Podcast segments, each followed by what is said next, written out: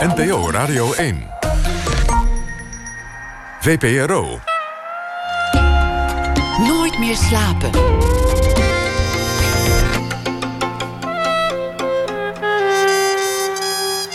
Met Floortje Smit. Welkom bij Nooit meer slapen. Schrijver en journalist Twan Heijmans die doorkruiste de afgelopen jaren het hele land op zoek naar verhalen. Deze vormde de basis voor zijn columns in de Volkskrant en die zijn nu gebundeld in het boek Nederland ligt er prima bij. Straks na één uur vraag ik hem of dat klopt. De stijl van filmmaker David Lynch is er een van dromen en nachtmerries. Van surrealistische verhalen waarin beeld en geluid elkaar perfect aanvullen. voor een bizarre totaalervaring die men intussen Lynchiaans noemt. Maar wat zijn de dromen en de nachtmerries van de maker zelf? Straks horen we een reportage over de nieuwe documentaire David Lynch, The Art Life. En Luc Imhan die leest een verhaal voor bij het nieuws van de voorbije dag. Maar eerst tot één uur is bij mij te gast actrice Frida Pittoors. Sphinxachtig werd ze alles genoemd. De jury van de Colombina, de, de theaterprijs die ze won in 2012... die roemde haar onopvallende en tegelijkertijd onontkoombare aanwezigheid op het toneel. Als iemand tegelijkertijd hard en zacht kan zijn, lief en woedend, is het Frida Pittoors, schreef een journalist na haar glansrol in Koningin Lear. Frida Pittoors, geboren in eh, Antwerpen in 1947, die zit al ruim 60 jaar in het vak.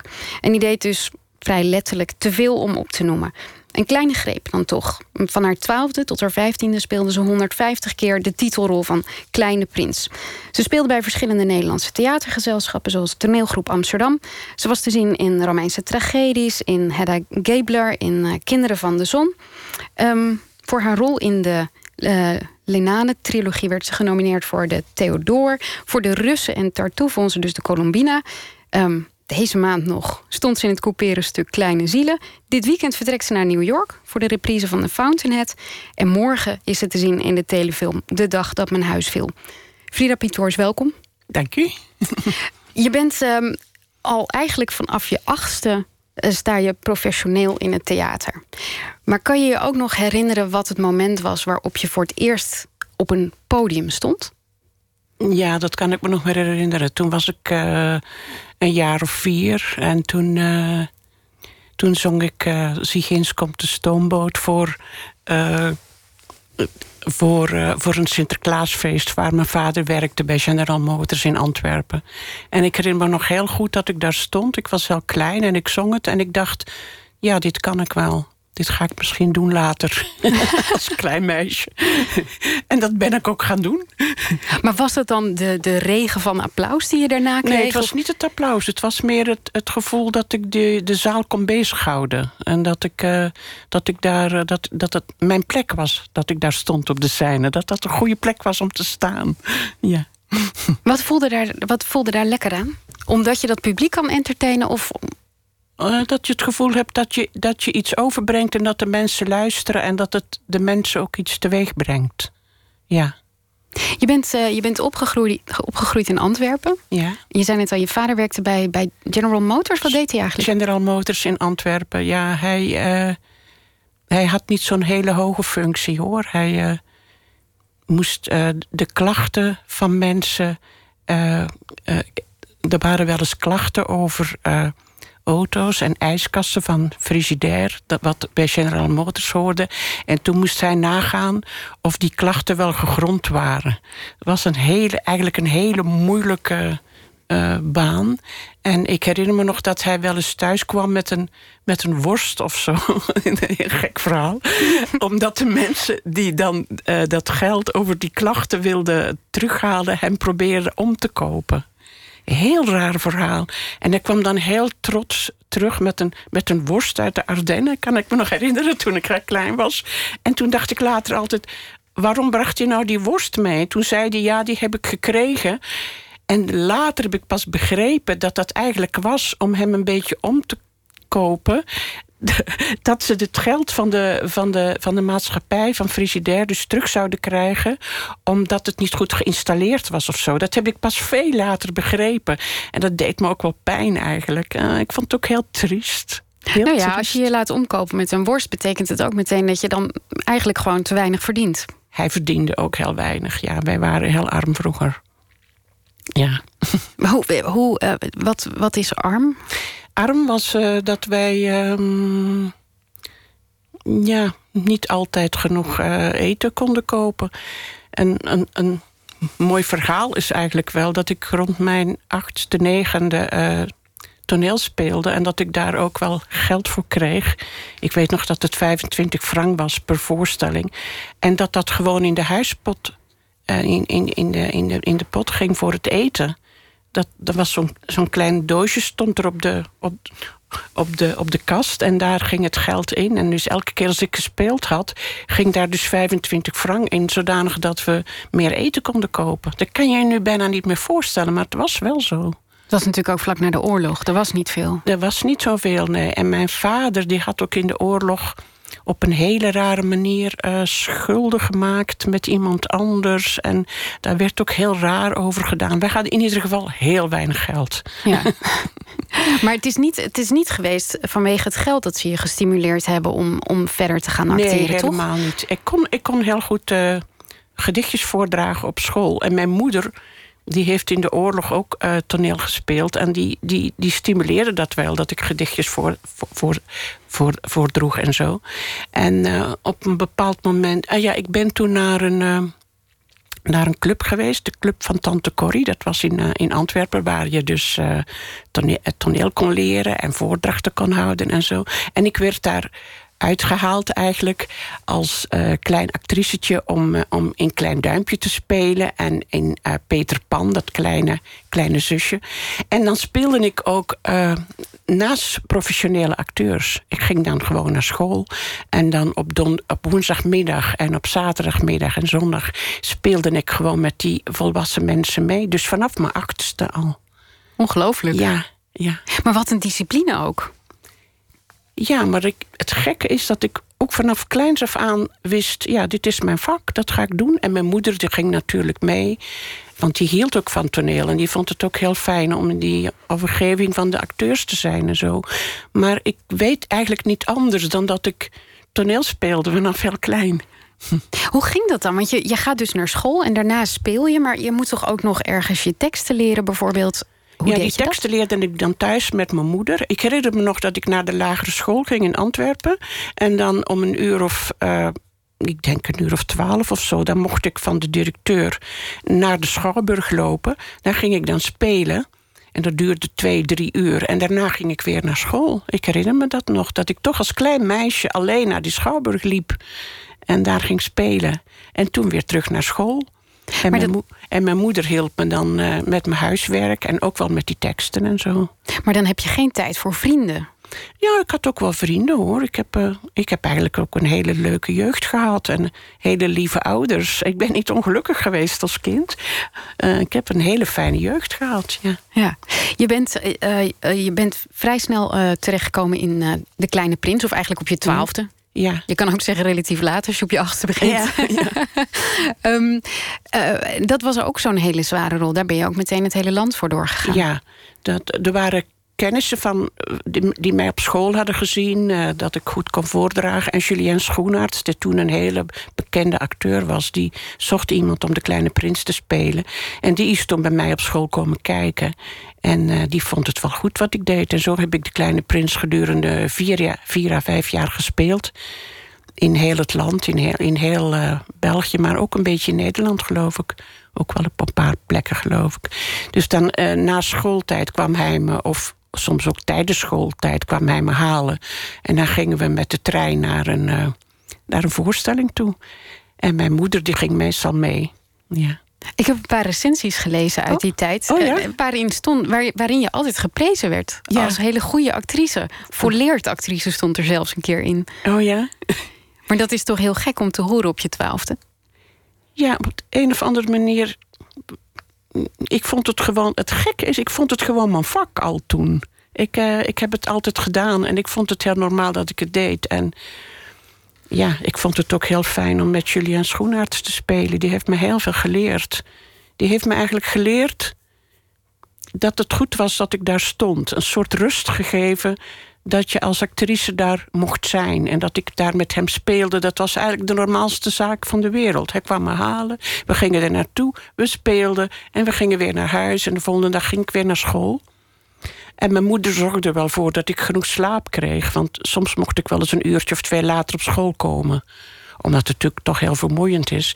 Maar van Julien heb ik, heb ik geleerd dat, je, dat het een mooi vak is om te doen. Ja. Je was ook te jong misschien ook om, om heel erg onder de indruk te raken van, van iemand als, als Julien Schoenaerts, die toen ook al een hele grote acteur was. Dat was toen een hele bekende man en zo. Want ik kwam mij dan halen van, van de school. En ik zat op het op meisjeslyceum in Antwerpen, waar natuurlijk uh, heel veel. Uh, uh, leuke vrouwen zaten. En die zagen dan Julien aankomen. Dat was toen een hele beroemde, uh, leuke man. En die kwam dan zo'n meisje van twaalf halen. Die waren wel een aantal meisjes jaloers. Wie komt die halen? Wie komt die halen? Oh, zo, zo'n klein meisje. Het is ook een heel merkwaardig beeld natuurlijk. Als je dat nu zou zien, kan dat helemaal niet meer. Nee, misschien niet. Nee, nee.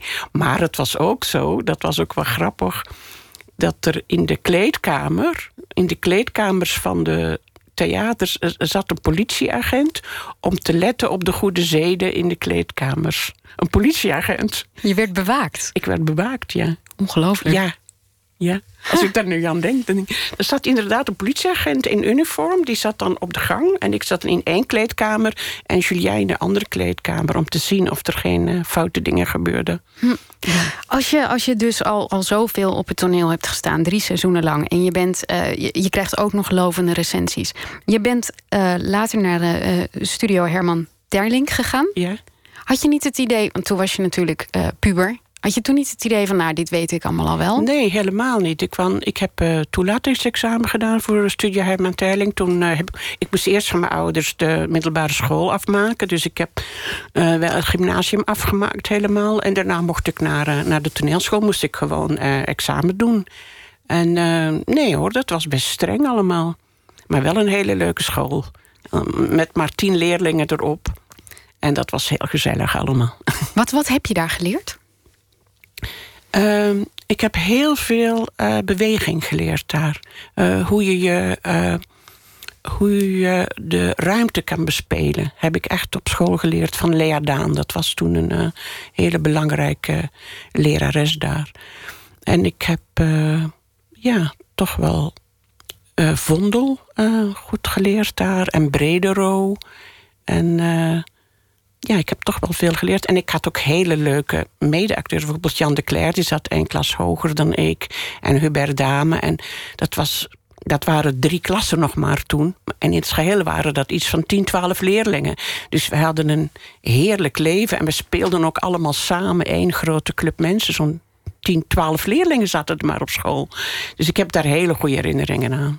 En toen was het... Uh 1968. Ja. Dat was het jaar dat je daar afstudeerde. Ja. En daarna heb je meteen alle regels overboord gegooid, want dat hoorde toen.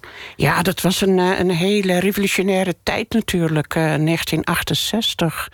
Eh, ja, toen wou je eh, de wereld verbeteren en een vormingstoneel maken en de mensen bewust maken van, van hoe de wereld in elkaar zat. En alles moest veranderen en de werkende mensen moesten veel meer macht krijgen. En ja, dat waren wel uh, spannende tijden.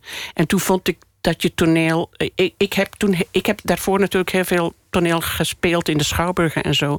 En in die tijd, in die, die woelige zestiger jaren, vond ik dat je toneel ook kon gebruiken om, uh, om te laten zien hoe de wereld in elkaar zat. en daar was ik wel heel erg fel in en heel links. En het strijdtoneel heb ik toen uh, heel erg uh, geapprecieerd en gedaan. En, en later ben ik dan. Uh, ik heb heel veel gespeeld in, in die tijd op bezette fabrieken en de Enke-fabrieken bijvoorbeeld. En ook heel veel gewerkt met werkende jongeren.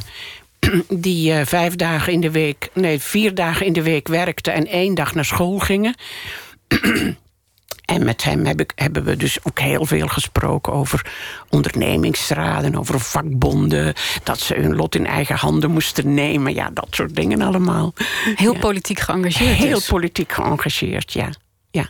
Ben je dat nog steeds? Vind je dat nog steeds belangrijk in ik het vind- theater? Ik ben nog wel steeds. ik- Ik hoor nu ook dat er eh, veel jonge mensen met eh, politiek theater bezig zijn. En dan wordt mijn hart weer warm als ik dat hoor, ja. Ja? Ja, ik, eh, ik vind het wel fijn dat mensen politiek geëngageerd zijn en, eh, en daar ook voor uitkomen en daar ook eh, over praten en zo.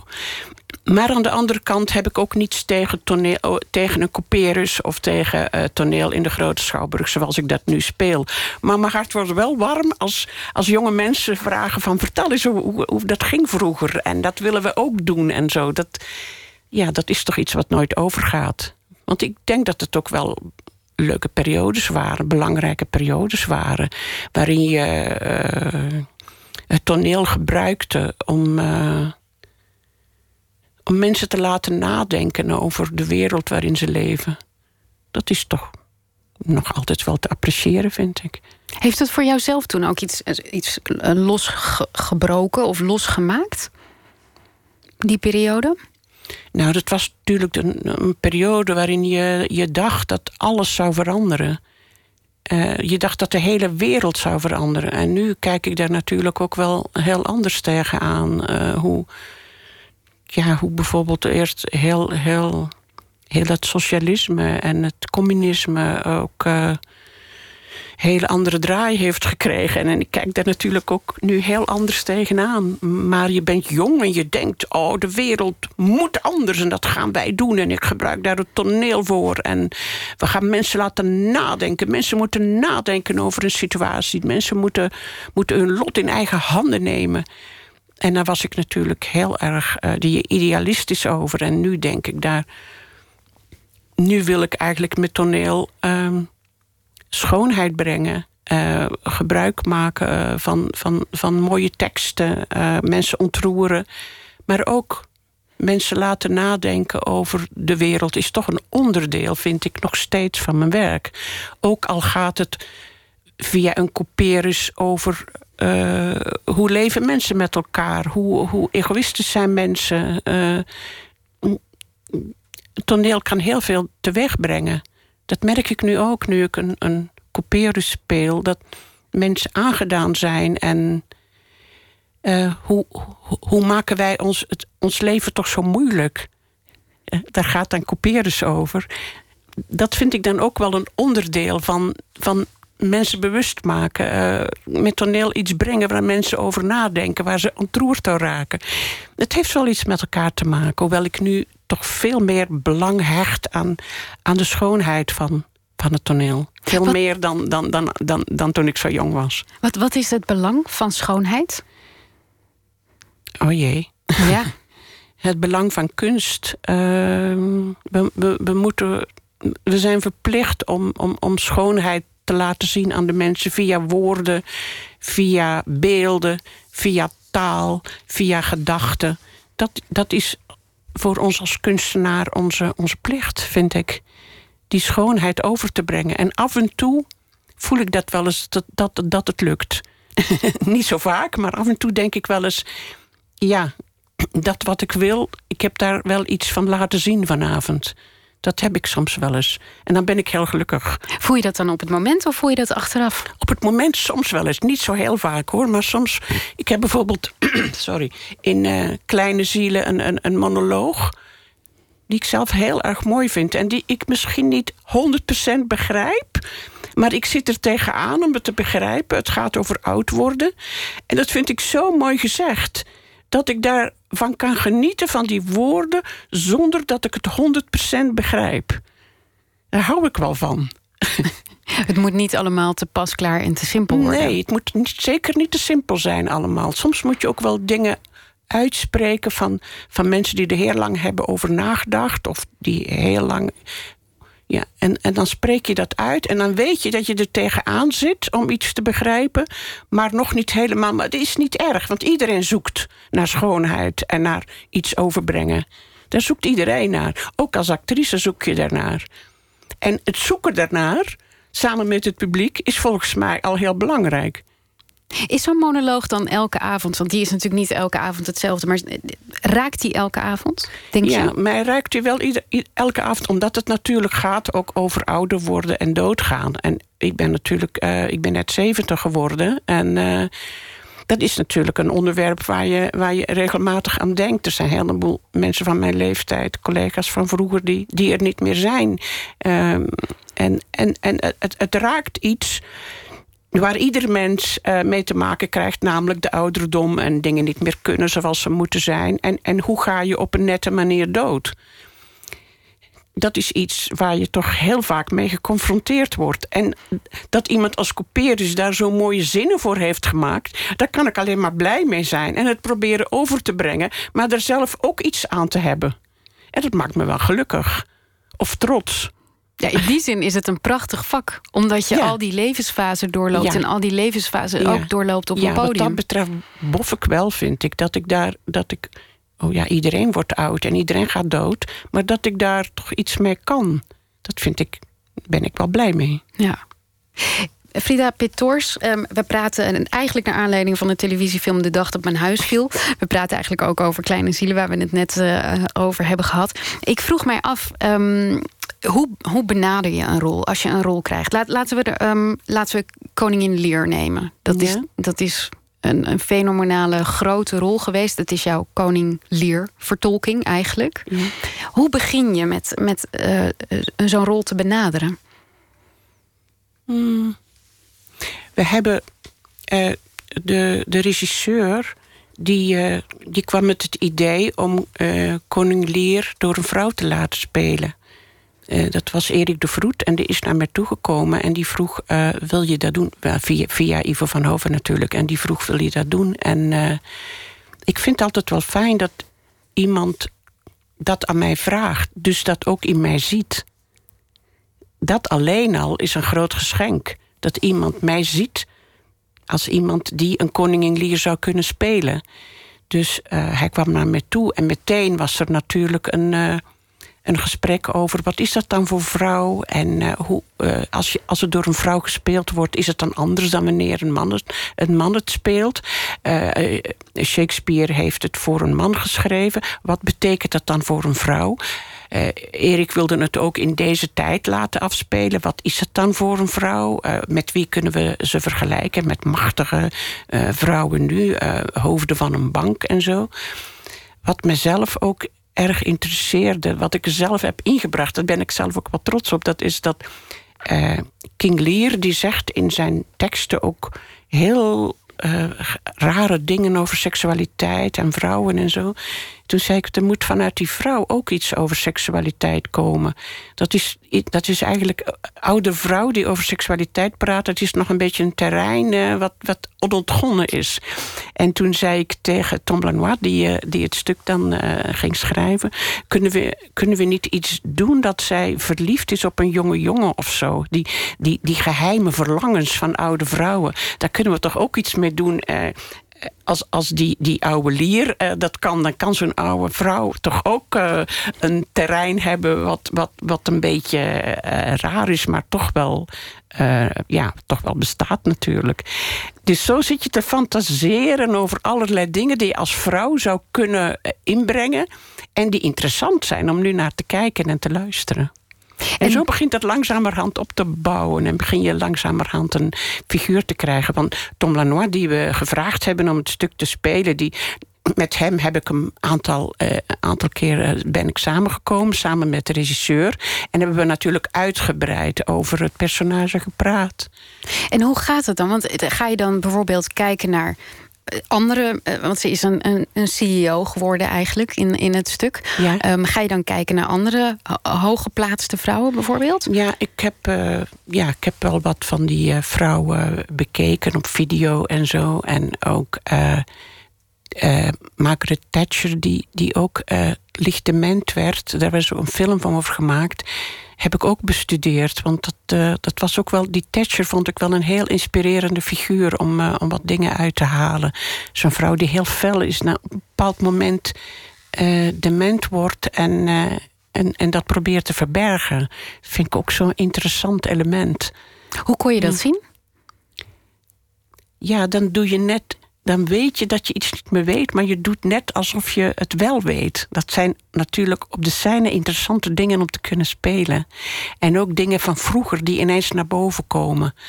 Uh, het, uh, bijvoorbeeld het dialect wat ik ineens uh, begon te spreken. Dat is ook iets van vroeger. Ik sprak natuurlijk vroeger dialect en, en zong van die rare vieze liedjes. En dan kan je dus als oude vrouw die zo'n hele chique baan heeft... Dat, dat verleden ineens laten komen in die oude vieze liedjes. En dat vond ik wel pikant. Dat vond ik zelf wel leuk ja, om te doen. Ja. Dus je, je fantasie gaat, gaat aan de gang. Je probeert er alle dingen bij te halen... waarvan je denkt dat ze interessant zijn voor de scène. En kostuums, helpt dat? Ja, kostuums helpen natuurlijk ook wel. Maar dit waren dan uh, kostuums uit deze tijd. Dus uh, ja, dat is een beetje hetzelfde als wat ik nu aan heb. Dus niet zo heel erg veel verschillend. Ja. ja. Kijk je dan, als je, als je die andere vrouwen bestudeert... waar, waar let je dan op? Let je dan op, op mimiek of op gebaren? Of neem je ja. dingen letterlijk over? Nou, ik probeer wel te kijken wat typische dingen zijn voor, voor iemand in die functie. Dat probeer ik dan wel te bekijken, ja. Dus uh, hoe, ze, hoe ze met de mannen omgaan en hoe ze hun papieren uh, netjes leggen en hoe ze hun haar hebben en dat soort dingen. Ja, hoe ze hun bril vasthouden. Ja. En wanneer in dit proces krijg je dan de tekst? Oh, ik heb. Uh, ik heb de tekst heel uh, vroeg gekregen. Dat, vroeg ik, dat had ik ook gevraagd aan Tom Lanois.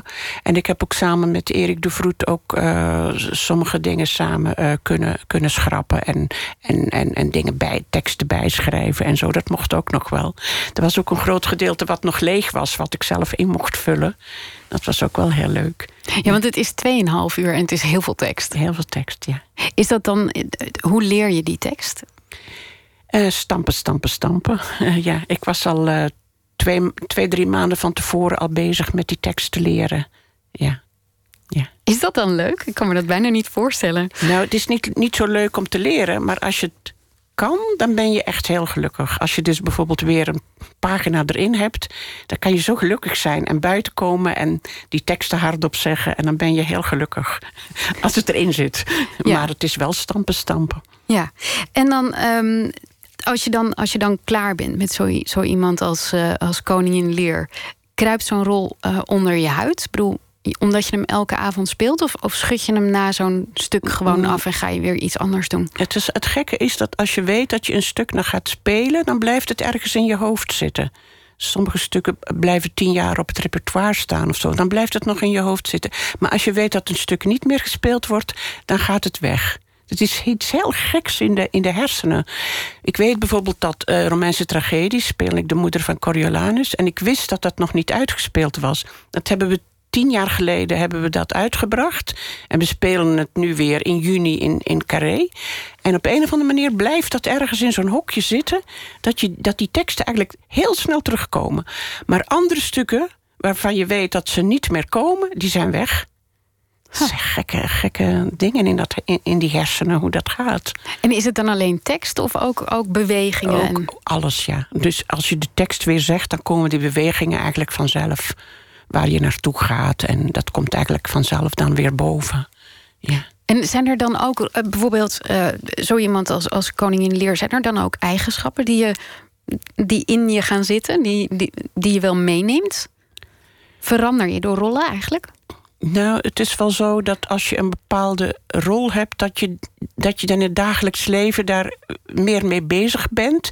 En dat je daar dan ook uh, ja, daar een beetje naar gaat gedragen. Niet helemaal, maar je gaat er toch meer aandacht aan besteden. Aan, aan, aan de elementen die zo'n rol maken. Dat is wel zo.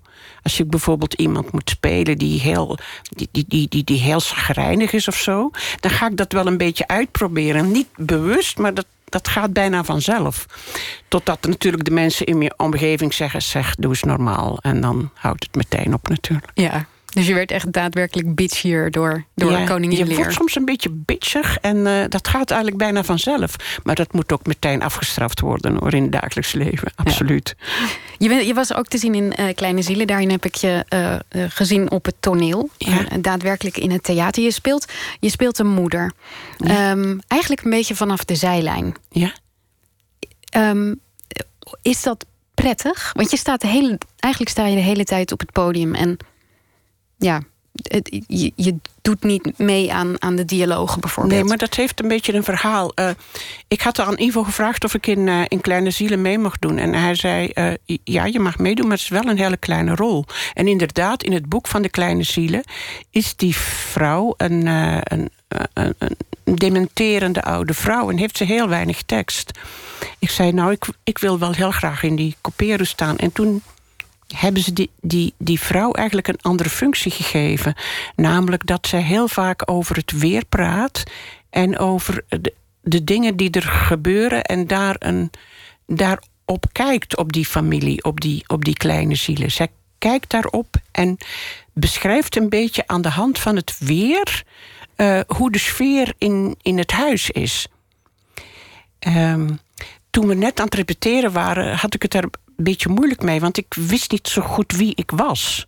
En uh, ik zei tegen Ivo, ik, we zijn wel aan het repeteren, maar wie ben, ik weet niet wie ik ben. En daar hebben we dan over gepraat en zo. En zo langzamerhand ben ik dus die moeder, die, wel die moeder weer geworden, die aan de zijkant zit en die de hele tijd alles in de gaten houdt. Dus vanuit die moeder ben ik dat personage geworden wat alles uh, bekijkt. En er zijn ook een heleboel teksten van Couperus bij, bij, bij, bij, gedaan. Dat zijn niet teksten van die moeder, maar het zijn teksten van de zuster van, van de hoofdpersonage Constance. Het zijn wel allemaal Couperus-teksten, maar teksten van een ander personage. Zodanig dat, dat het personage wat ik speel veel meer body krijgt en ook naar het einde toe uh, een mooie eindscène krijgt. Ja. We gaan even luisteren naar uh, muziek.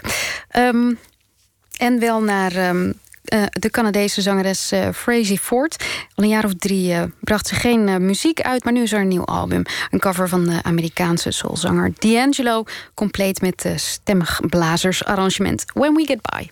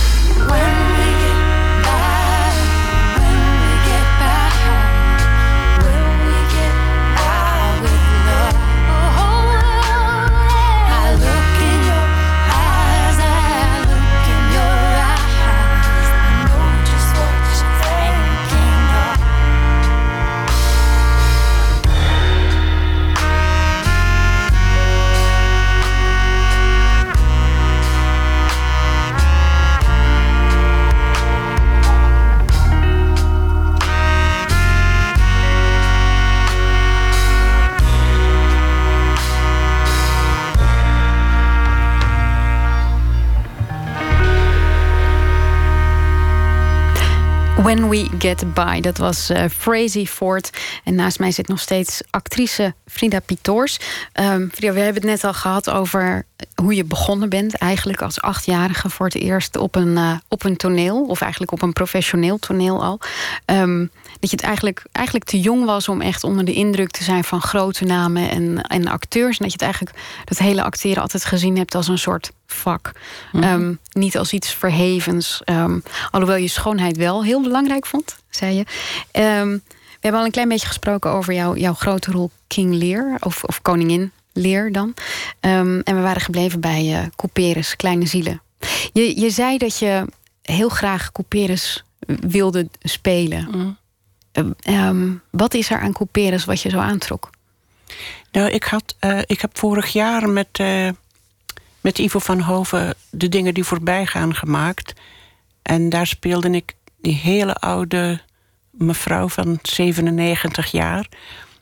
En die voorstelling die beviel me heel erg. Ik vond het heel fijn om die voorstelling te spelen.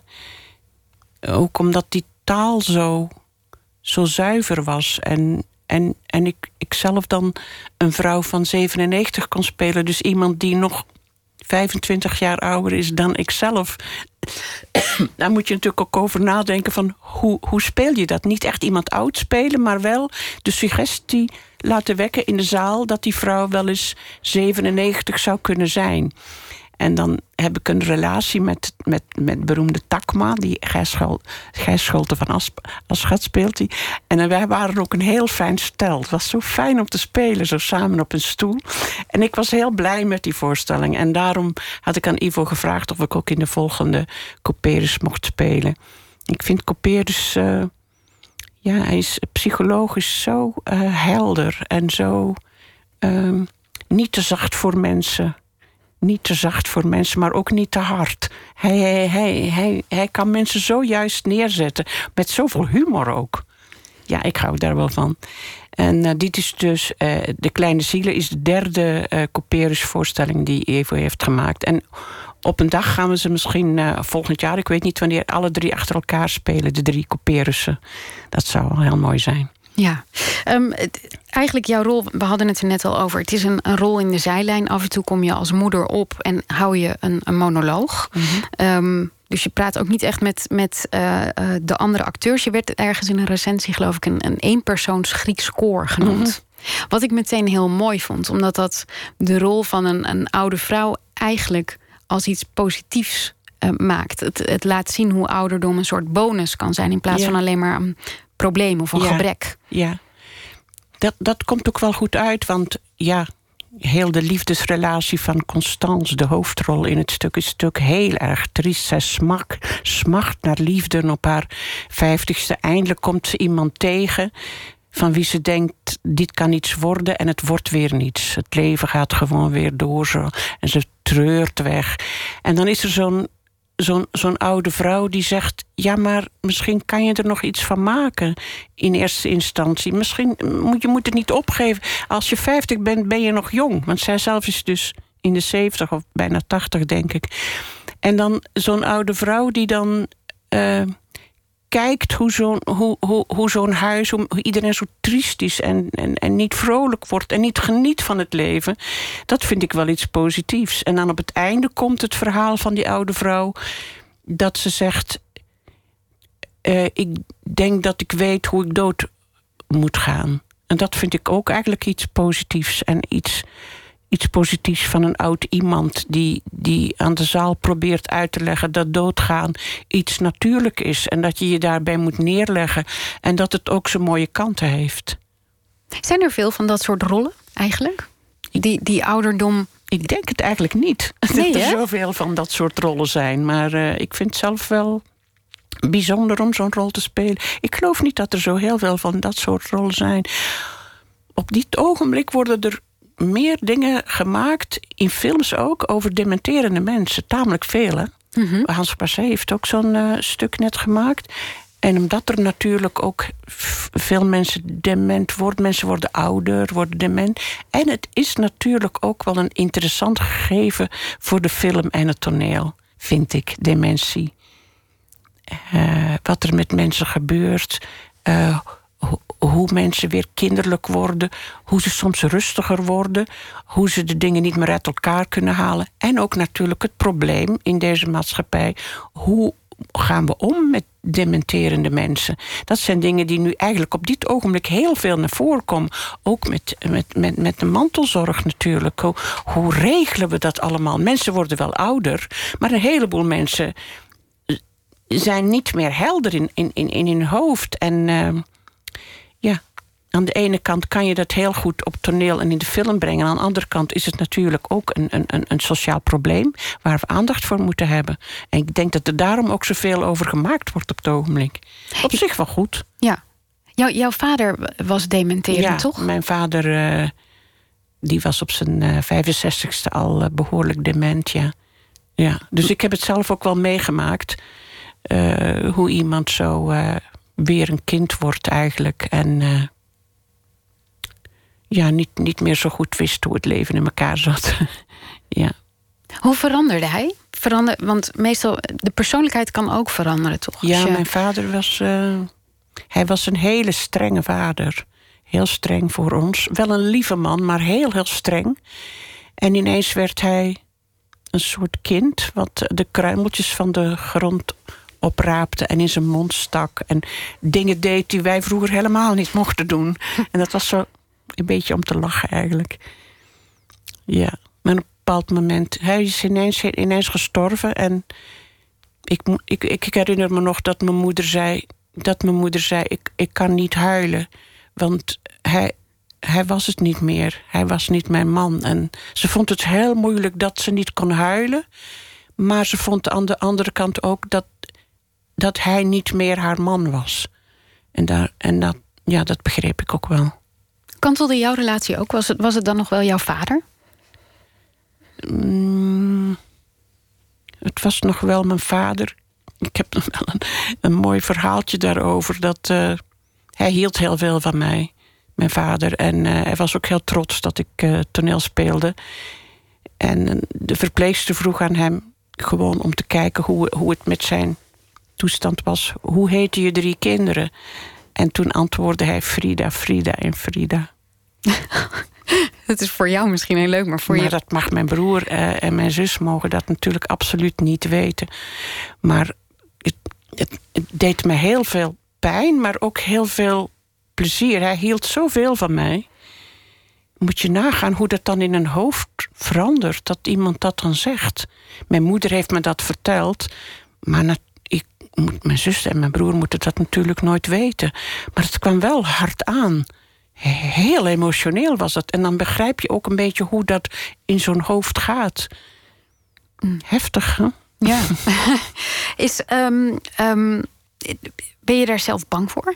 Om, omdat je vader um, dementeerde? Ja, dat maar je dan moet je ook... natuurlijk niet te lang bij stilstaan. Ja. Het is net zoals dat je bang bent om, om dood te gaan. Uh, dat is ook zoiets. Ja, dan moet je niet te lang bij stilstaan bij dat soort dingen, toch? Nee, in principe niet, maar je speelt het vaak. Dus dan, dan is het bijna onvermijdelijk, toch, om er lang bij stil te staan? Ja, zolang ik het nog kan spelen, is het natuurlijk. is het natuurlijk. Zolang ik het nog op de scène kan brengen en mijn teksten kan onthouden, is het nog uh, is het niks uh, mis mee. Maar ik denk dat je daar niet te lang over moet nadenken. Uh, nee, dat doe ik ook maar niet. Maar we hadden het er net over dat je inderdaad uh, door, door rollen zoals uh, over ouderdom en dementie, ja. dat je daar dus wel uh, veel meer over na gaat denken. Ja. Dat je er um, veel meer bewust van wordt op een bepaalde manier. Ja, maar met dat dement worden, dat vind ik toch een beetje moeilijk om daar over. Ik, ik vind het wel heel interessant om het, om het te spelen, omdat het mijn vak is. Maar om, om daarbij stil te staan dat ik, als ik zelf dement zou worden, dan hoop ik dat mijn familie en mijn zoon en mijn kleinkinderen en mijn vriend mij goed zullen verzorgen. Maar voor de rest weet ik daar niet zoveel over te zeggen. Nee. Het is ook. Um, je, wordt, je wordt natuurlijk ouder. Je, je, je krijgt ook uh, kwaaltjes. Mhm. Kan je alles nog zo goed onthouden? Bijvoorbeeld zo'n tekst, is dat, wordt dat lastiger? Ik moet zeggen dat het steeds uh, lastiger wordt om, uh, om teksten te onthouden. Ik moet heel lang van tevoren echt stampen, stampen, stampen. Maar op het ogenblik gaat het nog. En, maar ik zie dan ook dat er nog collega's zijn die tachtig zijn... en die het ook nog heel goed kunnen. Dus dan denk ik, nou, die kunnen het, dus dan kan ik het ook nog wel. Maar is het niet iets, want je, omdat, je, omdat je hele leven eigenlijk in, dat, in, het, um, in het teken van toneel heeft gestaan en van theater, is het niet ook iets waar je dan. Um, wat je beangstigt, dat, dat bijvoorbeeld als dat niet meer zou lukken, dat het dan wegvalt? Ja, dat is natuurlijk ook zo. Maar dat is natuurlijk bij, bij, bij elk vak zo. Uh, er zijn natuurlijk uh, acteurs die op een bepaald moment niet meer kunnen spelen, omdat ze hun teksten niet meer kunnen onthouden. Die nog heel goed zouden kunnen spelen, maar dat niet meer op de scène kunnen. Misschien kunnen ze in de film nog wel, uh, omdat de film moet je uh, is, is het niet zo heel veel tekst meestal die je moet onthouden. Hè? Dus ik denk dat er dan met film nog meer mogelijkheden zijn. Je zoekt dan, naar escape routes. Ja, ja, nee, toch? ja, nee, zeker. Maar het is natuurlijk wel... Kijk, ik denk dat heel veel mensen... die hebben gewoon een vak. Die, die doen dat tot hun pensionering. Ja. Die zijn daar blij mee. En dan komt er nog een soort nieuw leven achteraan. Maar um, ik heb niet het idee dat dat bij jou het geval is. Ik heb niet het idee dat je het zou willen loslaten, bijvoorbeeld. Ik zou het liefst niet, Sorry, ik zou het liefst niet willen loslaten... maar ik weet wel dat er een tijd komt dat, het, uh, dat, dat je het moet loslaten. Dat moet je gewoon beseffen, dat dat zo is. Ja, of je moet sterven op de scène, dat kan ook. zou, zou dat mooi zijn? Ja, maar ja. Echt ouderwets in het, uh, in het harnas. Ja. um, um, we, gaan, we gaan nog even naar uh, muziek en wel uh, naar een, een zanger, een jonge zanger uit Londen, Moncrief. Um, tot nu toe deed hij de achtergrondvocalen bij Adele. Dit is zijn eerste eigen single, Symptoms.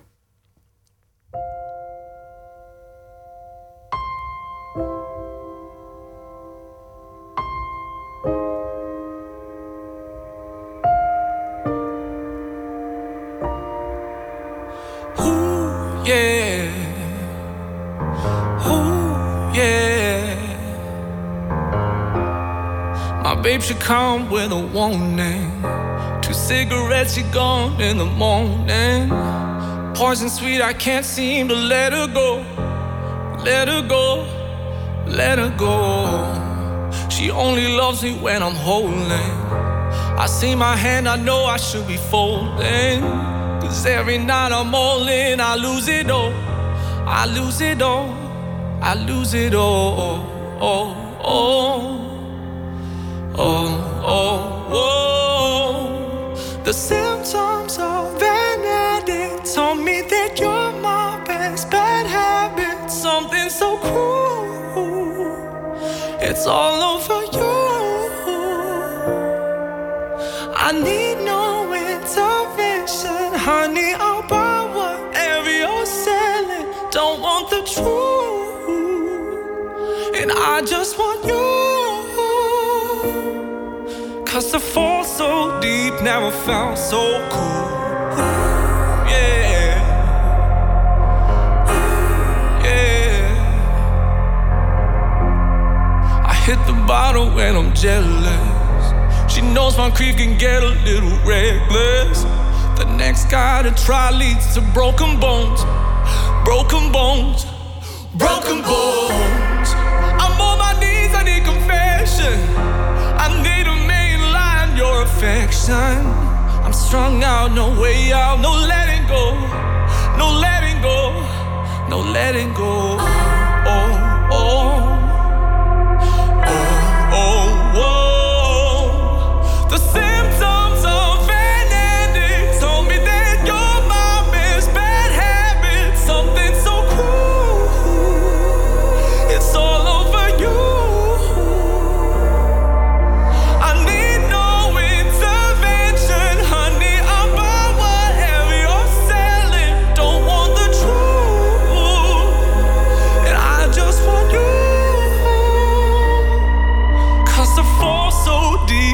Felt so cool. No, no, no, no, no, no, no, no, no, no, no, no, no,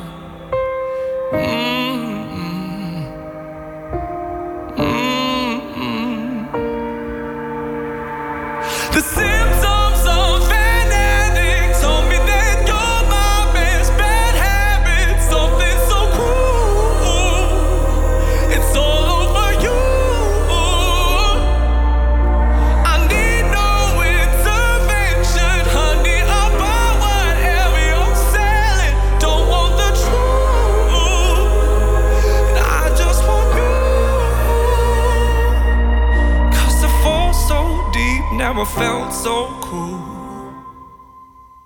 Ja, neo-noir soul, zo noemt hij het zelf tenminste. de- Deze jonge Britse singer-songwriter Moncrief. En dit was eh, Symptoms. En eh, u luistert nog steeds naar Nooit meer slapen met eh, tegenover mij actrice Frida Pitoors. We hebben haar uitgenodigd naar aanleiding van de televisiefilm De Dag dat mijn huis viel. Ehm, ehm, waarom wilde je meedoen aan, aan deze televisiefilm? Ja, er kwam een eh, jong meisje op me af, Tessa. Een meisje van begin twintig. En die zei, ik heb een eh, leuk idee voor een film. Wil je eraan meedoen? Eh, en toen vertelde ze over dat het een vrouw was van eh 75 jaar... die drie zonen had. En het huis stond scheef. En de zonen moesten het huis rechttrekken. En die vrouw die ging na een paar dagen. Die, die had er genoeg van om die zonen op te voeden. En die ging naar het zuiden. En dat vond ik zo'n ontzettend grappig idee van zo'n jong meisje. Om zo het huis met drie vreselijke klootzakken van zonen en zo'n eh, en zo'n vrouw van 75 die, die wegtrekt naar het zuiden met een vrachtwagen. Vond ik zo'n grappig idee. Ik denk, nou, dat doe ik. Dat, dat, is leuk om te doen.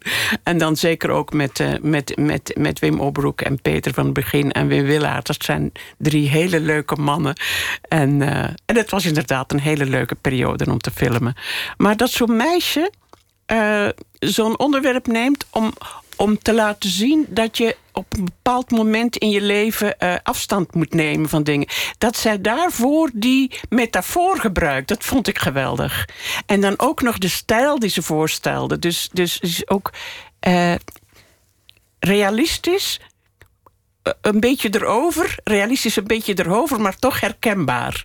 Dus een, een, een heel een, een gezin wat, wat, wat vies en vervelend en rottig is... en toch een klein beetje sympathie heeft. Ik vond het enig om te horen wat ze allemaal van plan was. Ik zei meteen ja. ja. Het is een geweldig film. Hij is, hij is stilistisch ook prachtig. Want het speelt Ja. zich allemaal af op een soort. Ja, het lijkt wel een western, hè? Soms Ja. met, met uitgestrekte landschappen en zo'n Mhm. huis wat heel langzaam steeds meer kantelt en, Ja. en schuin komt, Ja. Mhm. eh, komt te staan.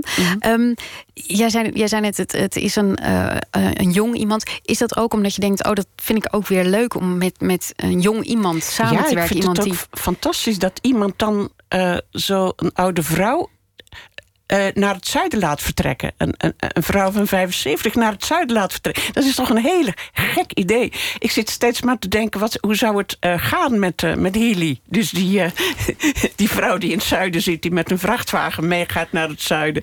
Ik zou eigenlijk best wel een film willen maken over hoe het met die vrouw gaat in het zuiden. Dat vond ik zo grappig. Het is, een, het is een vrouw met een schort. hè. Het is een vrouw die eigenlijk haar hele leven lang ehm, ja, haar, haar leven in dienst heeft gezet voor die zonen. Ja, die heeft de hele tijd voor die zonen gezorgd. En ze is eigenlijk heel slecht opgevoed. En ze helemaal eh, niet, eh, niet, niet goed opgevoed. En ze helemaal het huis niet uitgewerkt. En op een bepaald moment heeft ze er genoeg van. Het is wel een beetje laat in het leven. En dan naait ze eruit. Ik vind het zo grappig. En die zonen, ja, dat zijn echt vreselijke mannen allemaal. eh, ja. Het zijn natuurlijk metaforen. De een durft niet, de andere wil niet, de ander is heel lui. Eh, dat heeft zij allemaal voortgebracht, die vreselijke zonen. Is het, het is ook. ehm, ik vond het een heel mooi idee. Want het, eigenlijk het idee wat erachter zit, betekent dat je kan altijd nog opnieuw beginnen. Het maakt niet uit hoe Ja. oud je bent. Ja. Het zit ook in, ehm, in het stuk Kleine Ziel, hoewel dat niet Ja. helemaal goed afloopt, Mhm. dat idee. Maar ehm, het, het, gaat, het gaat over dat je altijd weer. Dat Ja. er nog iets. Dat vind ik ook wel mooi. Dat ze echt zo'n zo, zo'n vrouw die, die toch op het eind van het leven zit. en die die zonen dan zogenaamd heeft opgevoed. dat zij nog naar het zuiden trekt met een vrachtwagen. Dat vind ik zo'n prachtig idee. Heb je nog iets. eh, Hoe heb je dat eh, voorbereid, die rol? Heb je daar nog iets aan gedaan? Of is dat gewoon een kwestie van je komt op de set en dan. ik heb er wel over, over, over, nagedacht hoe ze eruit zou zien en uh, hoe ze zou praten. En uh, en uh, we, hebben, we zijn dan ook bij elkaar geweest met de, met de, met de, met de acteurs. Van wat voor taal zullen we, zullen we met elkaar spreken? Want het zijn natuurlijk allemaal Vlamingen bij elkaar. Dus daar hadden we ook heel veel plezier aan. Er zaten twee West-Vlamingen bij en twee mensen uit Antwerpen. Dus wat voor, wat voor taal moeten we spreken? Dus dat, dat was ook wel heel grappig. Nee, ik heb me ja, ik heb een beetje mijn verbeelding laten gaan. En dan in, in samenwerking met de regisseuse en met de drie andere mannen ging het eigenlijk tamelijk vanzelf heel dat personage opbouwen. En zeker als je dan aankomt om die set met zo'n prachtig huis en met zo'n water, met grote schepen op de achtergrond, dan krijg je al, al meteen een beeld van: oh ja, zo ga ik dat spelen. En dan voel je je meteen het personage. Ook de kostuums waren ook fantastisch, vond ik. Mooie kleuren en ja, niet realistisch, maar hyper, een beetje, een beetje gek. Ja, het was heel inspirerend allemaal. Ja. Heel inspirerend. Zeker toen ik op de set kwam en dat huis zag staan. Ik werd meteen verliefd op het beeld. Prachtig. Is het, regisseerden ze ook anders, denk je, omdat het een vrouwelijke regisseur is? Nou, ik moet zeggen, ze, ze, ze is nog 25, maar ze had het echt helemaal in de hand hoor. Ik weet niet of, of een man en een vrouw nou zo anders zou zijn. Het is gewoon een jonge vrouw en ze had het gewoon helemaal in de hand. Prachtig, geweldig. Nou, we gaan het uh, zien, of eigenlijk uh, iedereen kan het zien. En wel op uh, NPO 3, de dag dat mijn huis viel, aanstaande vrijdag. Dankjewel, Frida Pitoors. Heel veel succes dit weekend met de reis naar New York... waar je de Fountainhead gaat spelen. Wij zijn strakjes weer terug na het nieuws van 1 uur. Graag tot straks.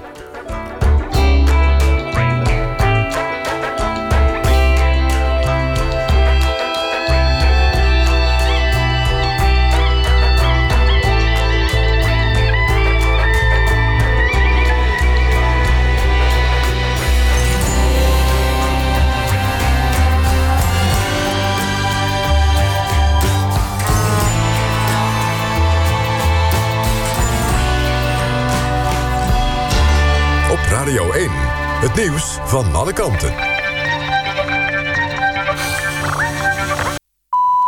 1 uur. Renate Evers met het NOS Journaal. De meeste huiseigenaren die hun hypotheek helemaal hebben afgelost... gaan er financieel niet op achteruit. Volgens staatssecretaris Snel gaan de meeste huizenbezitters er juist op vooruit... na het afschaffen van het belastingvoordeel voor deze groep. Dat komt onder meer door lastenverlichting. Vooral mensen met een huis van meer dan een miljoen euro... zullen het wel gaan merken in hun portemonnee, zei Snel in een Kamerdebat.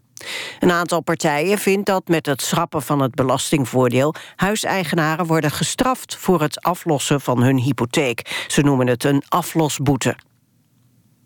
Bij de gemeenteraadsverkiezingen in Leeuwarden blijft de PvdA de grootste partij, ondanks verlies. In de twee andere Friese gemeenten waar afgelopen dag gestemd werd, blijft het CDA de grootste. In de Groningse gemeente Westerwolde en in het Gelderse Zevenaar wordt een lokale partij de grootste. In 14 gemeenten in Friesland, Groningen en Gelderland zijn verkiezingen gehouden... omdat die op 1 januari opgaan in een fusiegemeente. In maart hoeven de inwoners dan niet meer te stemmen. De opkomst lijkt uit te komen op zo'n 40 procent. Een groep bekende historici, hoogleraren en schrijvers... wil niet dat de muur van Mussert in Lunteren wordt gesloopt. Ze hebben een brandbrief gestuurd aan Politiek Den Haag... en vinden dat de muur een rijksmonument moet worden. De brief is ondertekend door onder andere Geert Mak, kunstenaar Armando en historicus Maarten van Rossum. Bij de muur hield de NSB grote bijeenkomsten. Die staat nu op het terrein van een camping en de eigenaar wil de muur slopen. Het weer bewolkt, maar droog. Er staat een stevige wind met kans op zware windstoten. Minima vannacht rond 9 graden. Overdag kans op buien. Middagtemperatuur ligt rond 14 graden. Dit was het NOS Journaal. NPO Radio 1. VPRO. Nooit meer slapen.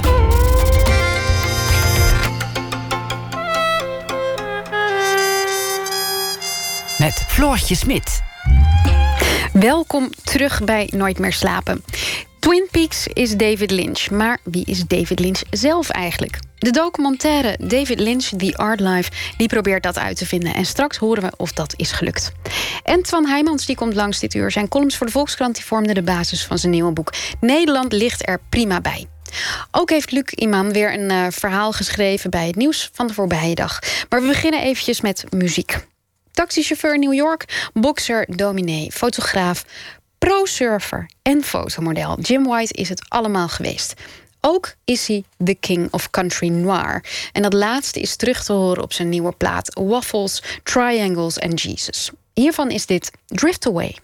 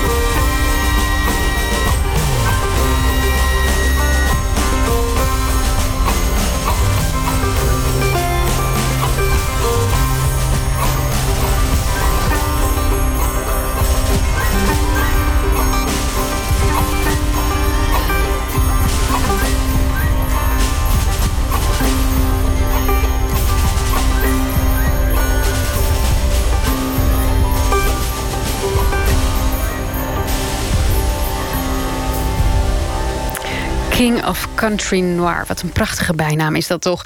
Jim White was dit met Drift Away. Binnenkort is hij ook in Nederland. Op 4 december dan treedt hij op in Paradiso in Amsterdam.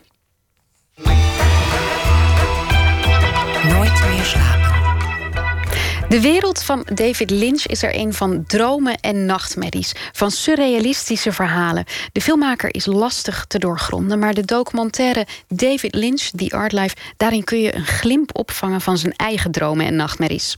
De makers interviewden Lynch gedurende drie jaar, zo'n 25 uur lang, over zijn vroege jeugd, over zijn tienerjaren en zijn studententijd tot en met het maken van zijn eerste grote film Eraserhead. Verslaggever Eliane Meijer die zag de documentaire en spreekt erover met Stijn Huids. En hij is curator van het Bonafante Museum. En daar treft hij net voorbereidingen voor een grote tentoonstelling over de kunst van David Lynch. Dit is, dit is van David Lynch, joh. Wat een gigantisch boek. Ja, dit zijn allemaal boekjes uh, over zijn werk. En, uh, dat is er ook vorig jaar in uitgekomen alleen over de muziek. Beyond the Beyond. Met een uh, Want hij is ook muzikant, hè? Ook, alles. Ja. alles. Creativiteit zonder grenzen. Een van de laatste nieuwe schilderijen die ik zag in zijn atelier... Uh, dat was een soort portret, mensfiguur... en er stond de tekst boven... Ricky finds out he has shit for brains. een verwrongen tronie... En van zo'n groot schilderij waarop staat... Pete is going to his girlfriend's house. En dan zie je Piet met in de ene hand een revolver... en in de andere hand een mes. dan denk je, dat gaat niet goed komen. Dit is inderdaad ook op, op, op servetjes. Servetjes ja. getekend. Dus het is altijd, hij is altijd bezig. Hij heeft ook luciferboekjes. Ik weet niet of die allemaal makkelijk kan vinden nou. Hier zijn ze. En het zijn allemaal kleine kunstwerkjes. Ja. Daar gaan we er ook van laten zien in de tentoonstelling. In zijn atelier steekt David Lynch nog een sigaret op. Neemt een slok uit een grote mok koffie. Hij strijkt zijn witte kuif nog eens naar achter. En hij scharrelt wat door zijn atelier.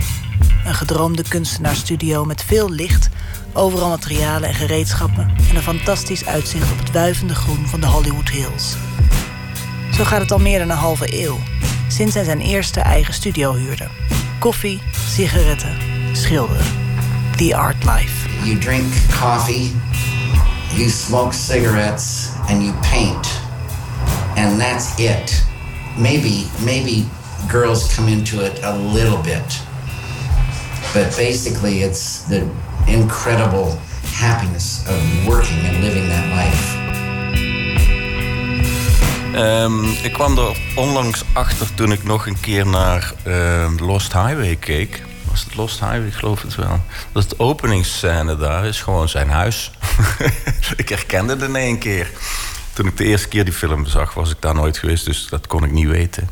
Maar hij heeft daar een huis. Um, hij heeft eigenlijk een, een soort compound van drietal huizen die geschakeld zijn, die hij in de loop der tijd verworven heeft. En daar, uh, net zoals voor zijn kunstenaarschap geldt, uh, dat is dat een praktijk daar die ook vloeiend overloopt van het een in het andere. Wonen, werken. Uh, de eerste keer dat ik er kwam, dat was in maart. Toen werden we binnengelaten in een studiodeel waar ze op dat moment net de nieuwe serie Twin Peaks aan het afmonteren waren. Dus ik zag daar opeens een gigantische kop van Agent Cooper op het scherm.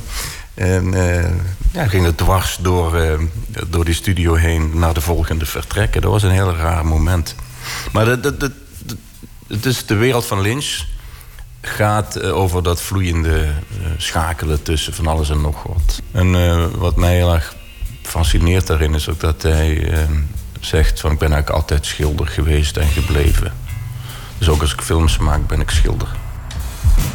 I needed to find what was mine. And the only way to find it is just keep painting and, and keep painting and keep painting and see if you catch something. Dat David Lynch begon als kunstschilder en dat eigenlijk altijd is gebleven, blijkt wel uit de documentaire David Lynch The Art Life. De documentaire is pure Lynch, zoals de maker John Wan het zegt. Familiefilmpjes, oude foto's, schilderijen en vroege films van Lynch, de trage twang in zijn stem. Lynch vertelt verhalen over zijn jeugd en studententijd, waarvan soms de echo's terug te vinden zijn in zijn werk. Zoals de keer dat hij als klein jochie een verwarde, naakte vrouw zag op straat. Jaren later duikt dat beeld op in Blue Velvet. Kind of like a strangest dream. Because I'd never seen an adult woman naked. And she had beautiful, pale white skin.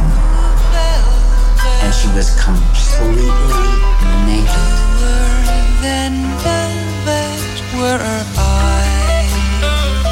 Of het gevoel dat je krijgt als hij vertelt dat hij vers aangekomen in Boston twee weken lang zijn appartement en zelfs zijn stoel niet uitkwam. Luisterend naar een radio waarvan de batterijen langzaam opraakten. I ended up sitting in a chair. And the only time I got out of the chair was to uh, pee or eat. And the batteries went down and down on the radio. So I had to hold it to my ear to hear it. And then it went dead. And so I was just basically really unable to do anything. And definitely unable to leave the apartment. Als je wilt weten wat zijn kunst en zijn films betekenen, moet je niet bij Lynch zijn, maar bij jezelf. Ook in deze documentaire krijg je geen clues over het waarom van de plotlijnen in Twin Peaks of de karakters uit Mulholland Drive. Sterker nog, de film stopt bij Lynch's eerste grote filmproject, Eraserhead, dit jaar 40 jaar geleden uitgekomen. Thomas Heerma van Vos, groot fan van de speelfilms van Lynch, was teleurgesteld toen hij de film bij toeval in Kopenhagen zag. Was voor mij vooral de vorm, waardoor ik ook steeds het idee had... Hè, begin nou even en hè, iets sneller en hè, iets doelgerichter en hè, iets concreter. Het is niet zo dat Thomas Heerma van Vos het werk van David Lynch volledig zou willen doorgronden. Maar hij hoopte op een film die een klein beetje meer licht zou schijnen op hoe de meester te werk gaat. En dan is voor een filmliefhebber een blik op de schilderijen niet genoeg. Ik heb sowieso het idee dat hij wat er aan mysterie om hem bestaat, en dat is vrij veel, allemaal het liefst gewoon in stand wil houden. En dat hij daar ook zijn uiterste best toe doet. Ik vond alleen wel dat ze eh, ehm, heel erg meegingen eigenlijk in zijn zelfmythologisering. En eigenlijk ook eh, ja, een, een soort kunstwerk over een kunstenaar probeerde te maken, heel erg. En ik had niet per se gewild dat eh, andere regisseurs precies zouden gaan uitleggen wat de kleuren blauw en rood bij Mulholland Drive betekenen. Maar ik had misschien wel iets meer gewild dat zijn tempo en zijn kalmte een keer doorbroken werden. En dat iemand zei van, uh, nou ja, dit doek uh, stelde niet zoveel voor, maar diende wel ter inspiratie tot dat. Of uh, wat niet goed lukt aan deze film, iets meer een kanttekening, iets meer een duidelijk oordeel. En ik snapte ook nog eens bij die documentaire, maar dat is iets anders, niet zo goed waarom ze het... Ja, ze deden tot aan zijn eerste film. En ik vind, creatief gezien, heeft hij eigenlijk vanaf zijn eerste film wel inclusief, maar vanaf zijn eerste film eigenlijk veel interessantere dingen gedaan. En dan kan je wel zeggen, ja, het komt allemaal van dat, uh, van dat schilderen en van, die, van zijn vroege periode. Ja, dat kan wel zijn dat het daar vandaan komt. Maar dat betekent niet dat dat ook zelf de interessantste periode is. Het lijkt alsof uh, Lynch vooral filmfans heeft die dan kijken naar die schilderijen van wat, ja. wat moeten we daarmee? Nou, dat is een interessant fenomeen. Wat um, niet alleen voor Lynch geldt. Ik heb wel eens vaker vastgesteld dat als, als mensen dubbel talent hebben en bekend zijn vanwege het ene talent, dat er dan de neiging bestaat om hem hem of haar niet zo serieus te nemen in het andere talent. Omdat het misschien het geval van Lynch gaat over de doorgewinterde filmfans. En eh, van, van film is alles. En dus kan de beeldende kunst geproduceerd door zo iemand kan niks zijn. Ik weet niet waarom dat is. Ik vind dat vreemd. Dat een van mijn drijfveren eh, om, om, om deze tentoonstelling te gaan doen met Lynch gaat daar juist over dat ik het onterecht vind dat zijn beeldend oeuvre zo onbekend is, relatief onbekend. En eh, wat ik nou zo leuk vind aan Lynch is dat hij ook zelf zegt dat het niet wezenlijk anders is. Dat, dat, dat, uh, en dat, dat je dus ook als schilder actief kan zijn met de, een bewegend beeld. Zo is het ooit begonnen, zegt hij ook in die documentaire. Ik zat in mijn studiootje in Philadelphia. Ik had een schilderij gemaakt, dat was overwegend zwart... met wat planten erop. En in ene keer begon, zag ik die planten bewegen, zegt hij. En ik hoorde een soort geluid van de wind. En ik van, oh, een schilderij dat beweegt en geluid heeft. Zo is hij eigenlijk in de filmwereld terechtgekomen. Dat was het vroegste begin. And I was sitting back, probably taking a smoke, looking at it. And from the painting, I heard a wind, and the green started moving. And I thought, oh, a moving painting, but with sound. Hij is uh, nu in de 70. Uh, maar als ik, als ik hem zo zag, bezig zag in zijn atelier, zag ik nog een klein jongetje eigenlijk. Dat gewoon aan het kleien is en aan het verven en aan het smeren met zijn handen. Uh, is, dat, is dat een juist beeld? Gewoon een klein, een klein, gewoon een kind nog eigenlijk? Ik vond dat, dat, dat vond ik trouwens ook heel mooi in beeld gebracht in die documentaire. Dat, dat tactiele, dat hij dus gewoon op een gegeven moment met een stukje schuim in zijn hand zit. En dat dan betasten is. En dat, uh, ja, dat heeft iets van hoe kinderen ook uh, de wereld ontdekken. En maar dat tactiele vind ik heel mooi. Uh, hij heeft ook wel eens in een interview met Patti Smith heeft hij een opmerking gemaakt. Vond ik fantastisch. zei hij, als ik aan het schilderen ben, heb ik soms een neiging... dan wil ik bijten in mijn schilderij. dat is ook zoiets... Precies Lynch, de verborgen kwaliteiten van het mens zijn... de onderhuidse, ook verontrustende dingen gewoon plek geven en toelaten. En dat, en dat gaat ook over een uitspraak als ik wil in mijn schilderij bijten. Iemand anders denkt dit, maar zegt het niet.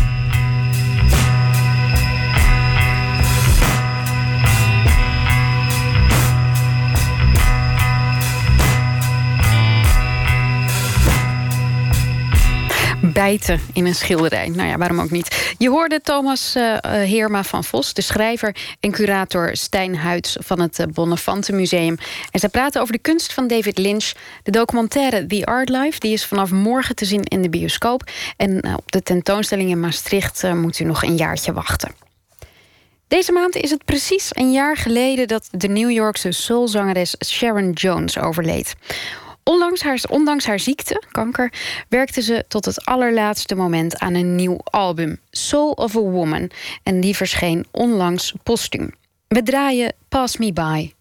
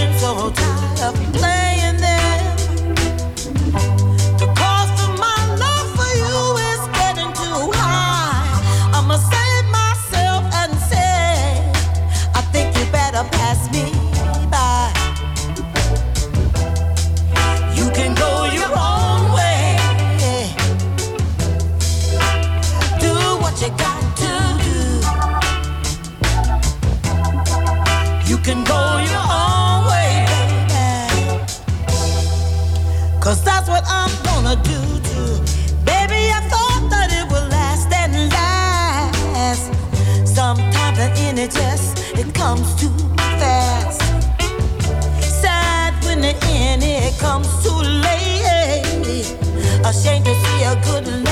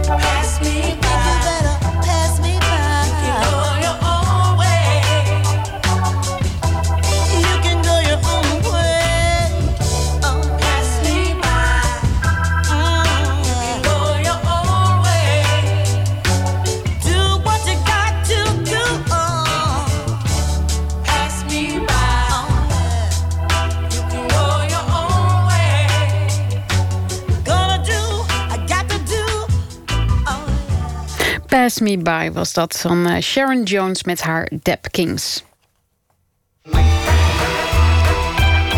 Nooit meer slapen. De nieuwe bundel Verzamelde Gedichten van Hans Verhagen... die Nijg en Van Ditmar heeft uitgegeven, heet Alle Gedichten. En daar is niets aan overdreven. Joep Bremmers, die eerder het verzamelde werk van Vinkenoog bezorgde... die ontfermde zich over het oeuvre van Verhagen. In overleg met de dichter bracht hij alles samen, ook wat tot nu toe verborgen was. En voorzag het van commentaar. Verhagen en Bremmers zijn beide Vlissingers. Verhagen groeide erop aan de boulevard met zicht op zee. En Matthijs Deen zocht Bremmers op in Vlissingen. En hij ging met hem terug naar de plek waar alles begon. Maar vroeger zaten er op die, uh, op die boeien zaten. En als het dan mistig was, ja, dan kreeg je gewoon een... Het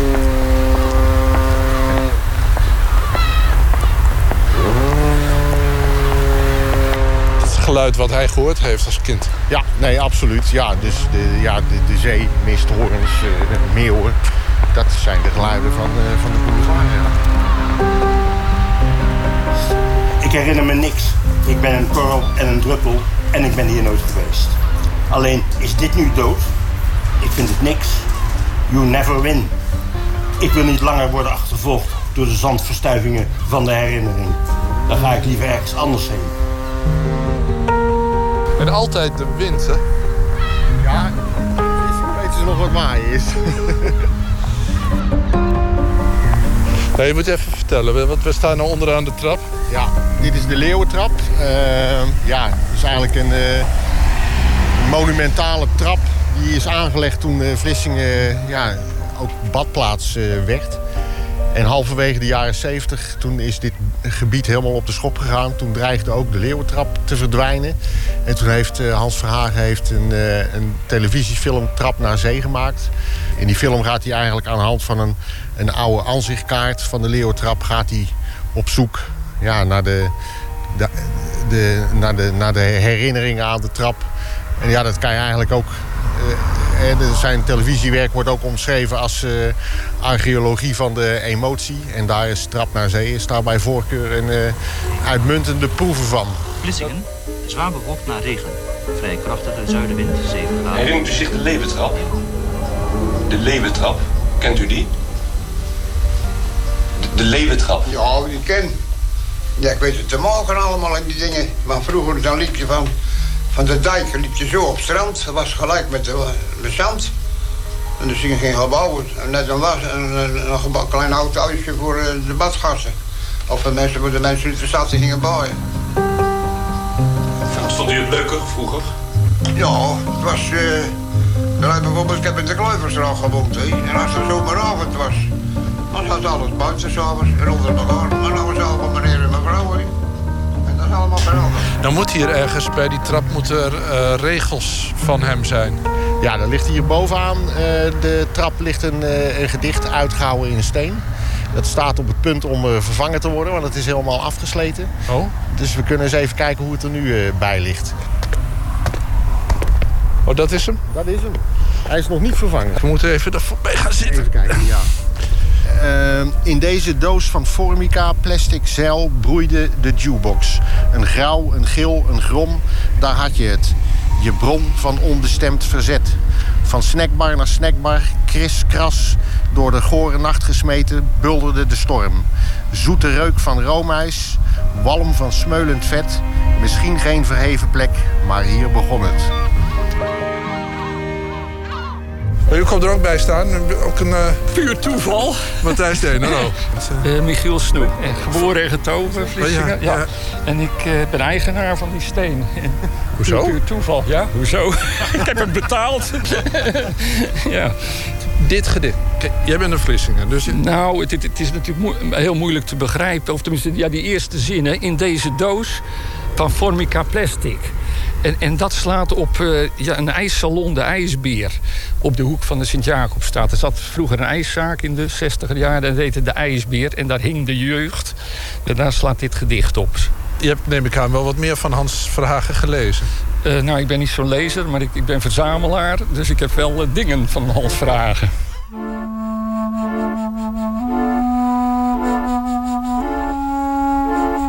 Ik ben de maker niet van het gedicht. Maar zo ontvankelijk mogelijk. Dat wil zeggen, van elke tedere connectie ondaan sta ik totaal ter beschikking van wat zich tot mij richt. Als een snaar doortrillende dit tijdsgewricht registreer ik de akkoorden.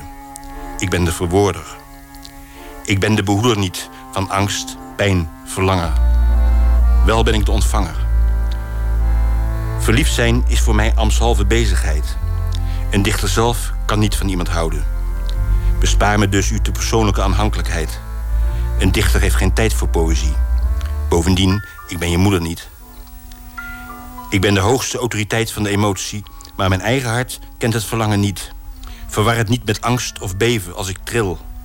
Ik transformeer alleen het huilen van de wolven tot een lied. Ik ben de vertolker van het leven. Maar zelf leven doe ik liever niet.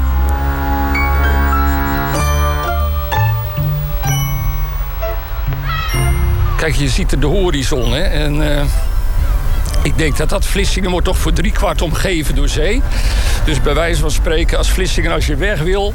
Ja, dan kan je ja, voor 75% maar één kant op. En het is recht door zee naar die horizon. En nou, ik denk dat dat de Vlissingen ook wel typeert. Je moet achter die horizon gaan kijken. Dus ook Vlissers die moeten ja, de wereld in. Die moeten Zeeland uit. En dat, ja, dat is Vlissingen, dat gebeurt ook en dat moet ook. Ah ja, dus je moet wel weg.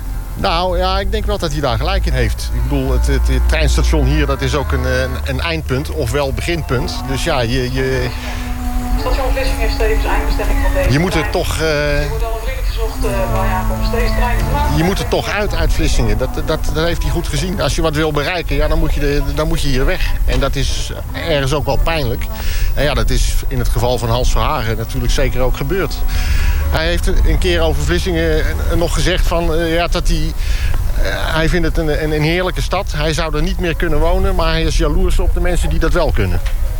En je hebt natuurlijk die enorme tegenstelling tussen de horizon en de stad. Nee, dat klopt. En ik denk zeker in de jeugd van, eh, van Hans Verhagen... eh, toen eigenlijk de, de hele stad nog in, in puin lag. Er, er is één, één huis is onbeschadigd uit de oorlog eh, gekomen... en de rest had schade opgelopen. Ik kan de kogelgaten of de granaatinslagen laten zien. Komt u maar even mee naar binnen. Michiel Snoek, zoals hij zelf al zei, is geen lezer, maar een verzamelaar. Zo kocht hij het ouderlijk huis van Verhagen aan de boulevard. En daar in het marmer ook een inslag. Daar zo een inslag. Kijk, dit in deze houten leuning. Ach ja. Ja, dat is ook niet zomaar een knoes. Dat is een soort uitge... Jeetje. En alle souterrains hier, zo, die waren ook dichtgemetseld. Zeg maar vanaf 1942 of zoiets. Dan moest iedereen vertrekken van de boulevard. En werd sperrgebied. En datzelfde souterrain, dat is de plek waar Hans later zijn, eh, zijn eerste gedichten schreef. Kamertje. Oh, dat is het zoeterij? Ja, ja, ja. Hier? Ja. Oh, dus we, we, we kunnen in de kamer waar hij zijn eerste gedicht geschreven heeft. Ja, als Michiel het goed vindt. Nou, dat is, dat is op eigen risico. Dat is ook begrijpen waarom. Waar kom ik vandaan? Ja. Ik wilde je vragen, maar je bent weg voor ik wist wie je was en waar we naartoe gaan. Je zei dat je zou komen. Ik heb op je gewacht. Je zei dat je bij me zou blijven. Ik ben alleen gebleven. Ik hoopte dat je me alleen zou laten. Maar je hebt me met een menigte gevuld. En ik weet niet wat ik doen moet. Ik dool rond in mezelf als een spook. Speculerend op de rondheid van de bol. Ik denk dat het komt door de kook. I'm not going to spend the night by myself.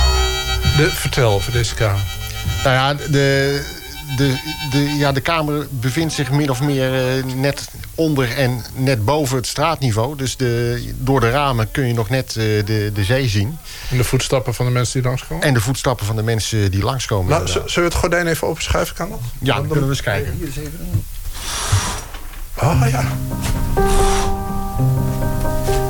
En hij heeft hier een gedicht geschreven, Duizend eh, Zonsondergangen. Ja, Zonsondergang 58. Dat is een van zijn, eh, van zijn debuutgedichten. Die zijn gepubliceerd in, in Podium 58. Eh, twee gedichten. En daar heeft hij nog net de, de proefdruk van aan zijn moeder laten zien... die hier in, in dit huis is, is overleden. Dus ja, dat is voor, voor Hans zeer betekenisvol geweest. Ja, je ziet net het straatniveau van, eh, van de boulevard. En daarachter ja, de, de, de, de, de onmetelijke zee. En ja, het is nu vrij helder, dus je kunt de overkant zien.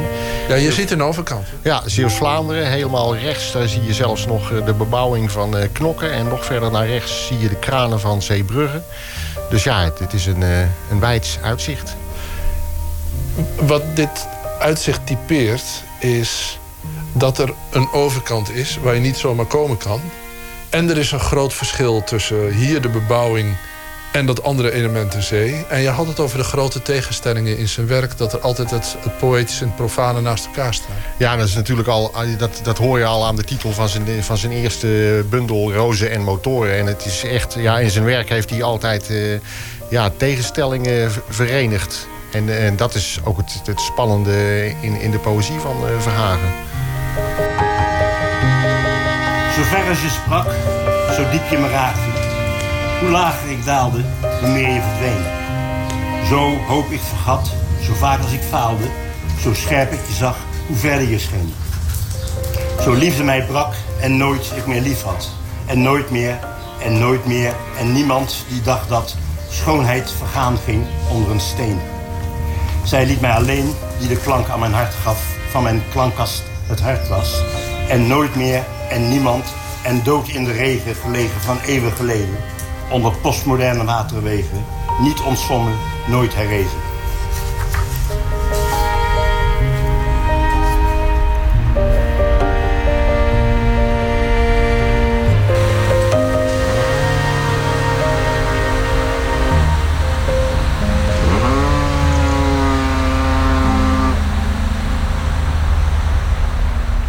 Dat was Joep Bremmers, die voor Neigen van Ditmar het verzameld werk bezorgde van Hans Verhagen. De bundel heet Alle Gedichten. Chet Faker, dat is het muzikale alter ego van de Australische singer-songwriter Nick Murphy. Dit weekend is hij in ons land en hij zal dan optreden in Paradiso in Amsterdam. Luister als voorproefje naar Talk is Cheap.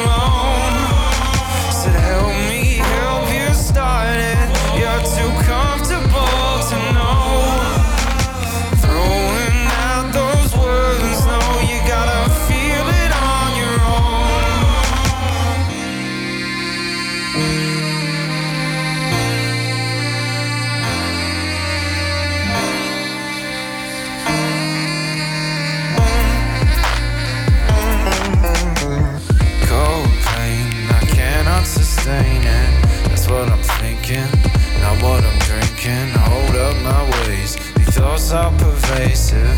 It's not a statement, but peace can be evasive. You're a mouthful, loud a mouthful. Another week on my own. Now I'm a novel, made resourceful. I start a chain with my thoughts.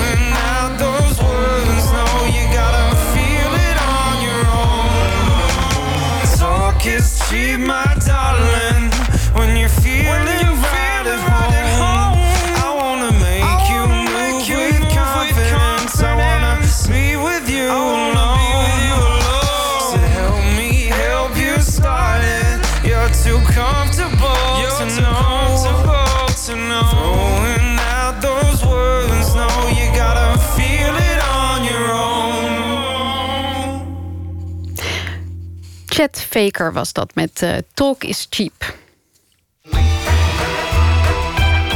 Nooit meer slapen. Joris Beidendijk die stelde op zijn zestiende een masterplan op om sterrenchef te worden. Inmiddels haalde hij twee keer die Michelinster binnen en nu heeft hij een nieuwe missie: een keuken voor de lage landen creëren. Met zijn nieuwe kookboek geeft hij het goede voorbeeld: recepten met spruitjes, met schar, oesters, paardenvlees, geitenbok en oppedoeze ronde. Afgelopen maandag werd hij gekozen tot de invloedrijkste smaakmaker van het land. En Nicolau die sprak hem op de ochtend na de bekendmaking in de keuken van het Rijks, waar Beidendijk de chef is.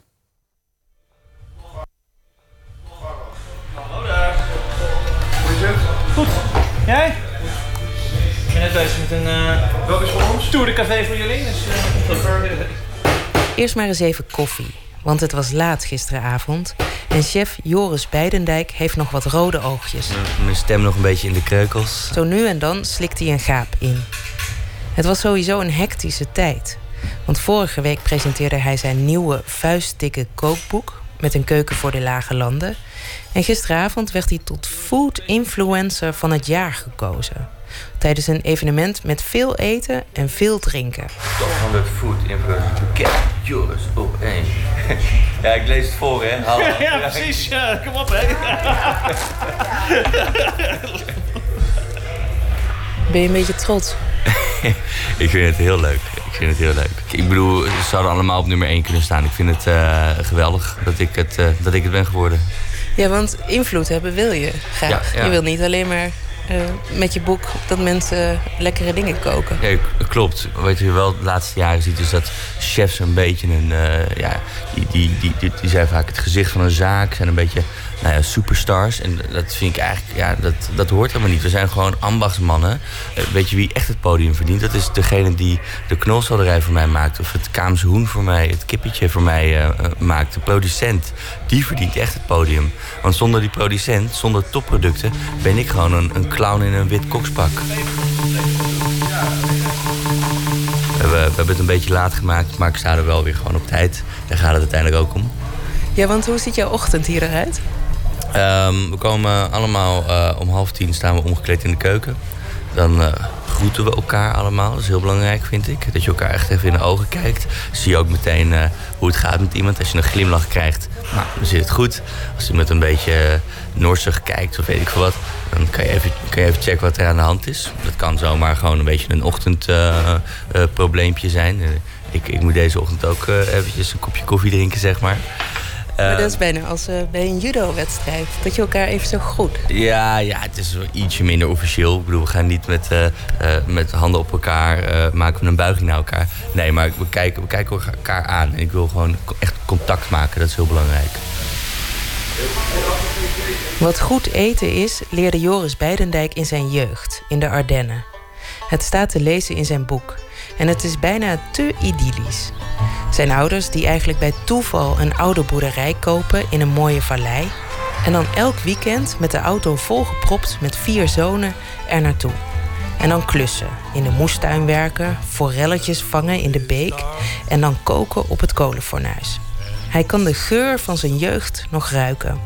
Ja, uh, vuur. Um, dus hout dat, en rook.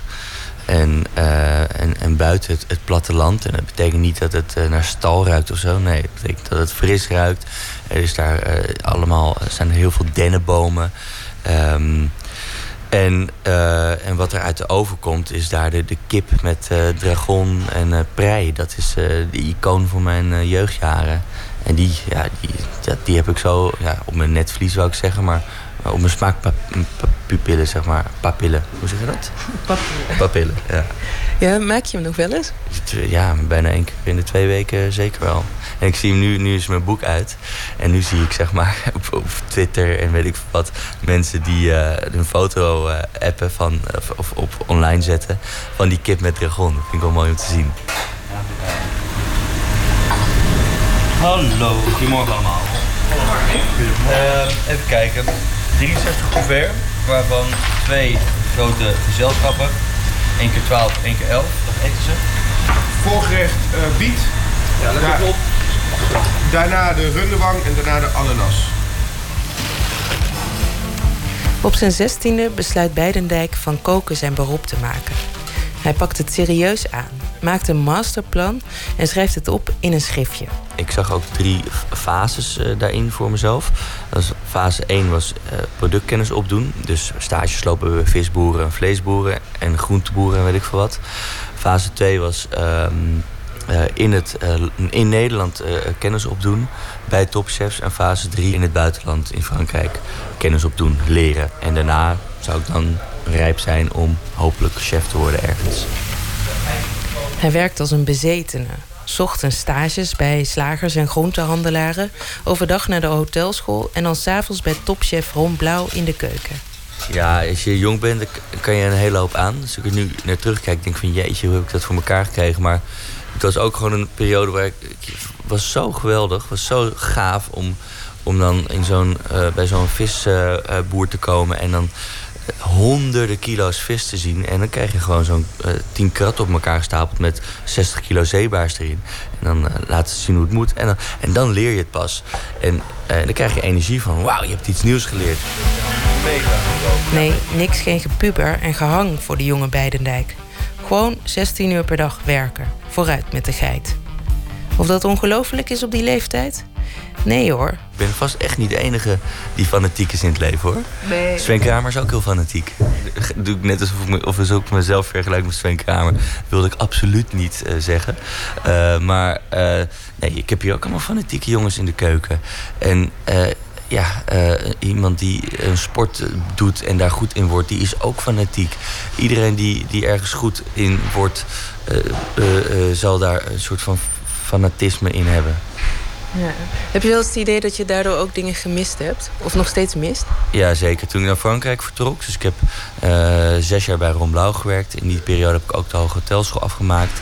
En toen ik in Frankrijk aankwam, toen dacht ik al van jeetje, mijn broers die hebben allemaal mooie reizen gemaakt en zo. En vrienden van mij ook. Ik vind dat, dat dat wel een onderdeel is in mijn leven dat ik heb gemist. Dat ik ehm, niet heel veel van de wereld heb gezien. Maar toen had ik het geluk dat ehm, de Pourcels die werden overal uitgenodigd over de hele wereld voor allemaal chefs-evenementen. Dat was het drie sterren restaurant in Montpellier, waar je werkte. Ja, nee, toen ik er werkte eh, hadden ze twee sterren. Ze waren één ster kwijtgeraakt. ehm, een paar jaar daarvoor. En, eh, en het waren, zijn beroemde chefs. Ik bedoel, als je drie sterren hebt, dan ben je gewoon, dan ben je gewoon wereldberoemd. En toen ben ik naar Beirut en Shanghai en weet ik veel, Hongkong, eh, Brazilië, overal naartoe gevlogen. Dus je hebt de keukens van die landen gezien. Ja, en ik heb, ik heb zeg maar dat, dat ja, wat een beetje waarvan ik dacht van dat ontbreekt in mijn leven, dat heb ik al in een korte tijd ingehaald.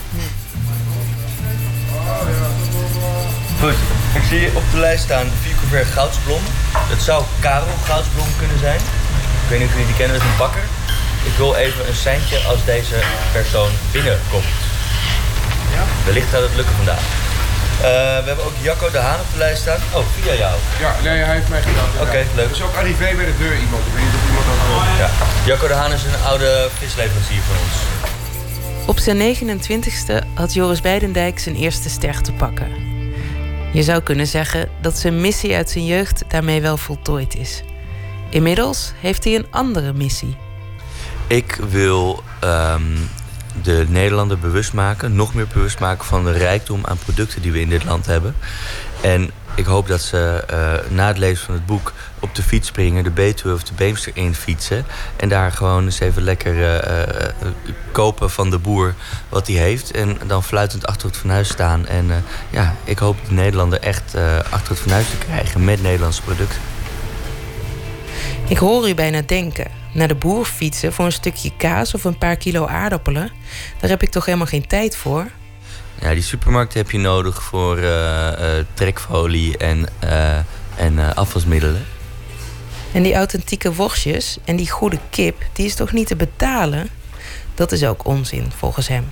Eh, ja, een, een, een plakje eh, kipfilet in een plastic eh, pakje. Ja, je hebt geen idee wie die kip heeft grootgebracht of waar die kip vandaan komt. Het is gewoon anoniem. En dus ook vaak een slecht, niet lekker, niet kwalitatief product. Het, het pakje kostte misschien wel eh 1 euro of 2 euro. Maar echt goedkoop is het natuurlijk niet. Koop je lekkere smaak? Nee, je koopt iets smaakloos. Dus eigenlijk word je gewoon belazerd. Welk moment van, van een restaurant runnen, welk moment in dat hele proces maakt je nou het meest gelukkig, vroeg ik me af. Een, een keuken, in een keuken werken bestaat echt uit twee delen. Eén is het voorbereidende werk zonder gasten. En twee is service draaien met gasten. En dat zijn echt twee totaal verschillende dingen. En, ehm, en daar haal ik allebei haal ik, haal ik heel veel genot uit. Vooral, eh, kijk, ehm, tijdens de... s- Pardon. Felicitaties stromen binnen, denk ik. Ja, dat is leuk toch? Kijk, 's ochtends mise en place is heel belangrijk. Maar is ook een soort van ontspanning. En dan op een gegeven moment dan begint de service. Oké jongens, dit, dat en dat. eh, twee couvert arrivé en dan hoor je iedereen... Ja, weet je, hoor je iedereen een koor ja roepen. Is dat dan bijna het optreden? Dan, dan moet het op dat moment. Bang. Ja, ja, dat is het wel, ja. ja oh, je, rent het veld op en, eh, en de scheidsrechter fluit af. Of, eh, of nou goed, ik ben geen... eh, ik, heb, ik heb wel gevoetbald, maar ik ben geen artiest of zo. Maar ik kan me voorstellen dat, dat dan een band... Ja, die, die, doet, die doet dit. En dan begint het. Weet je? Ja, dat is het een beetje. Ja, dat is een heerlijk gevoel.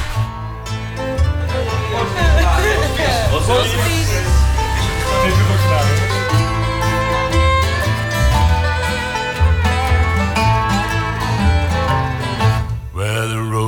is dark.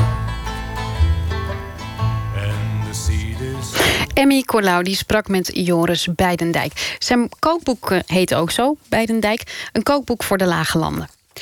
We gaan verder met 1 minuut. Een serie vol wonderlijke verhalen in 60 seconden. En de bijdrage van vandaag heet Leren jasje.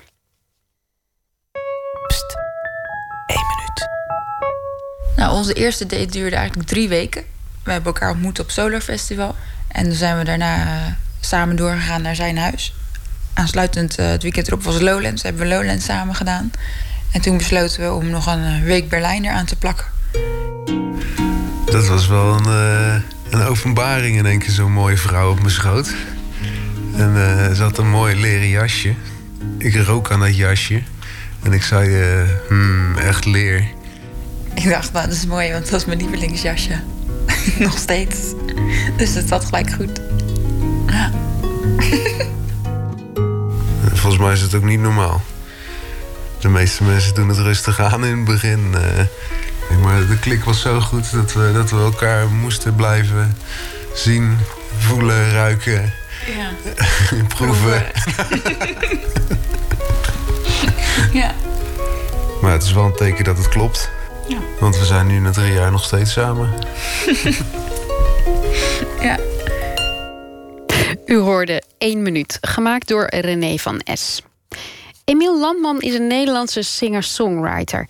En toen hij over een Noors eilandje hoorde waar het de ene helft van het jaar voornamelijk licht is en de andere helft donker, kwam hij op het idee van een nieuw muzikaal project. Hij gaat twee EP's uitbrengen, geïnspireerd door deze twee seizoenen. De eerste, Winter, dat eh, verschijnt in februari. Maar deze week verscheen daarvan al de eerste single, Falling.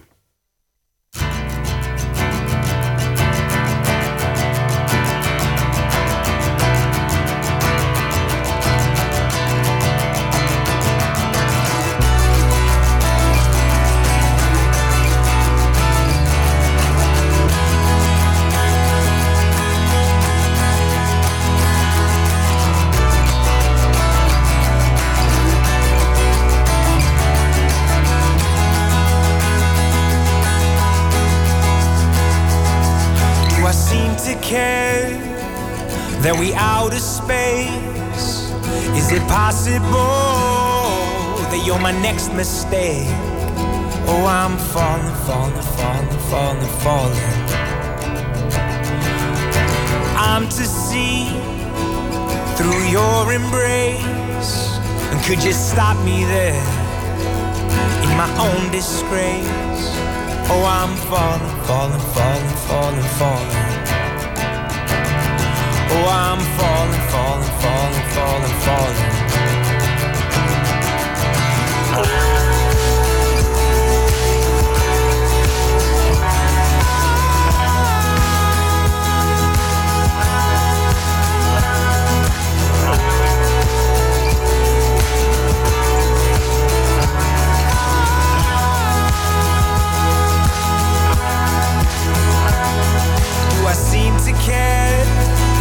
That the word is out?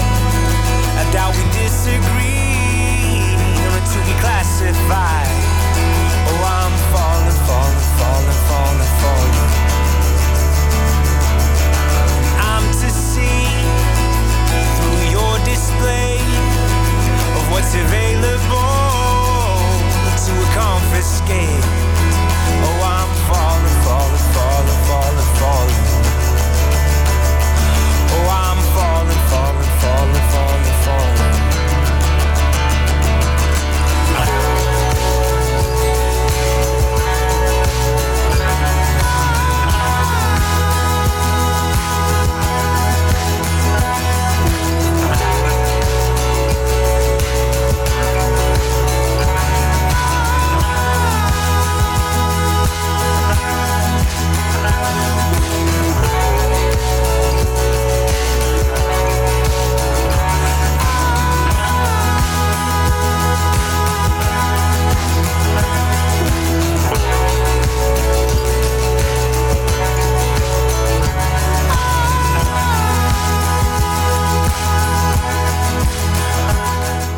Emiel Landman is dat met eh, Falling. Poëzie nu van Alexis de Rode. We spraken hem in september tijdens de Nacht van de Poëzie in Utrecht. En het gedicht dat hij vanavond voorleest heet Vladimir Vladimirovich.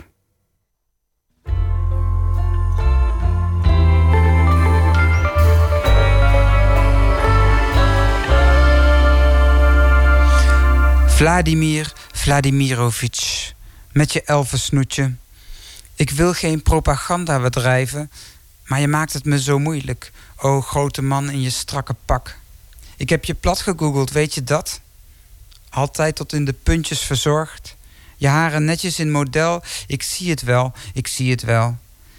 Ik zag je foto in die lege broek bij de rivier. De hengel mannelijk geheven, bijna reikend tot de andere oever. Weet je nog bij de KGB hoe je de jongens liet kronkelen?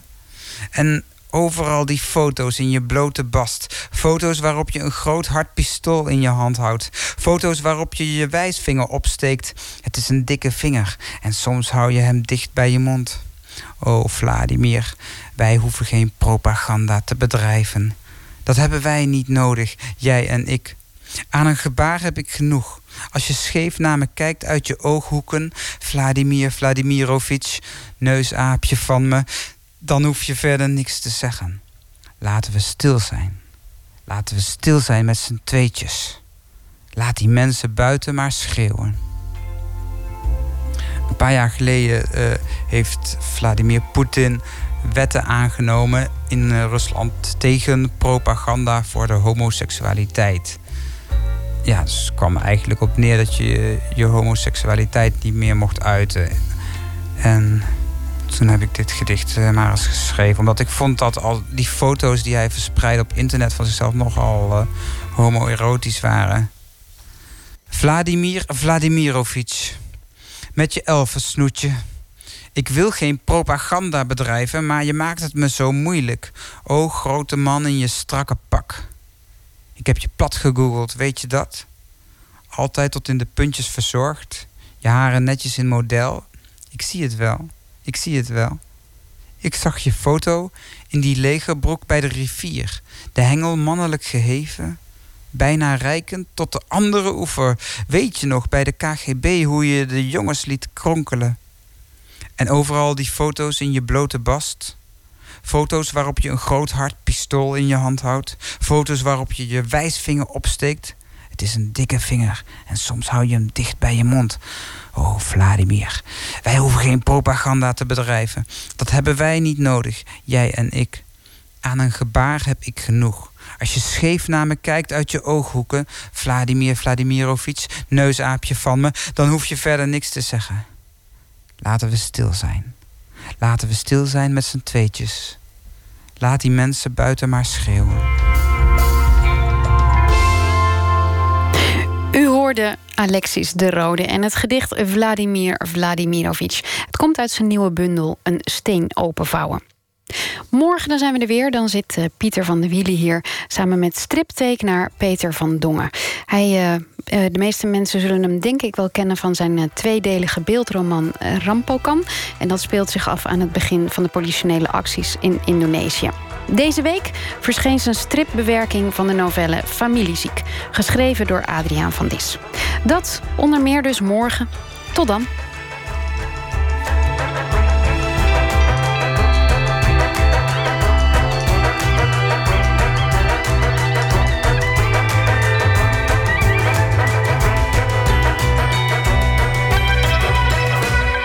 Op Radio 1, het nieuws van alle kanten.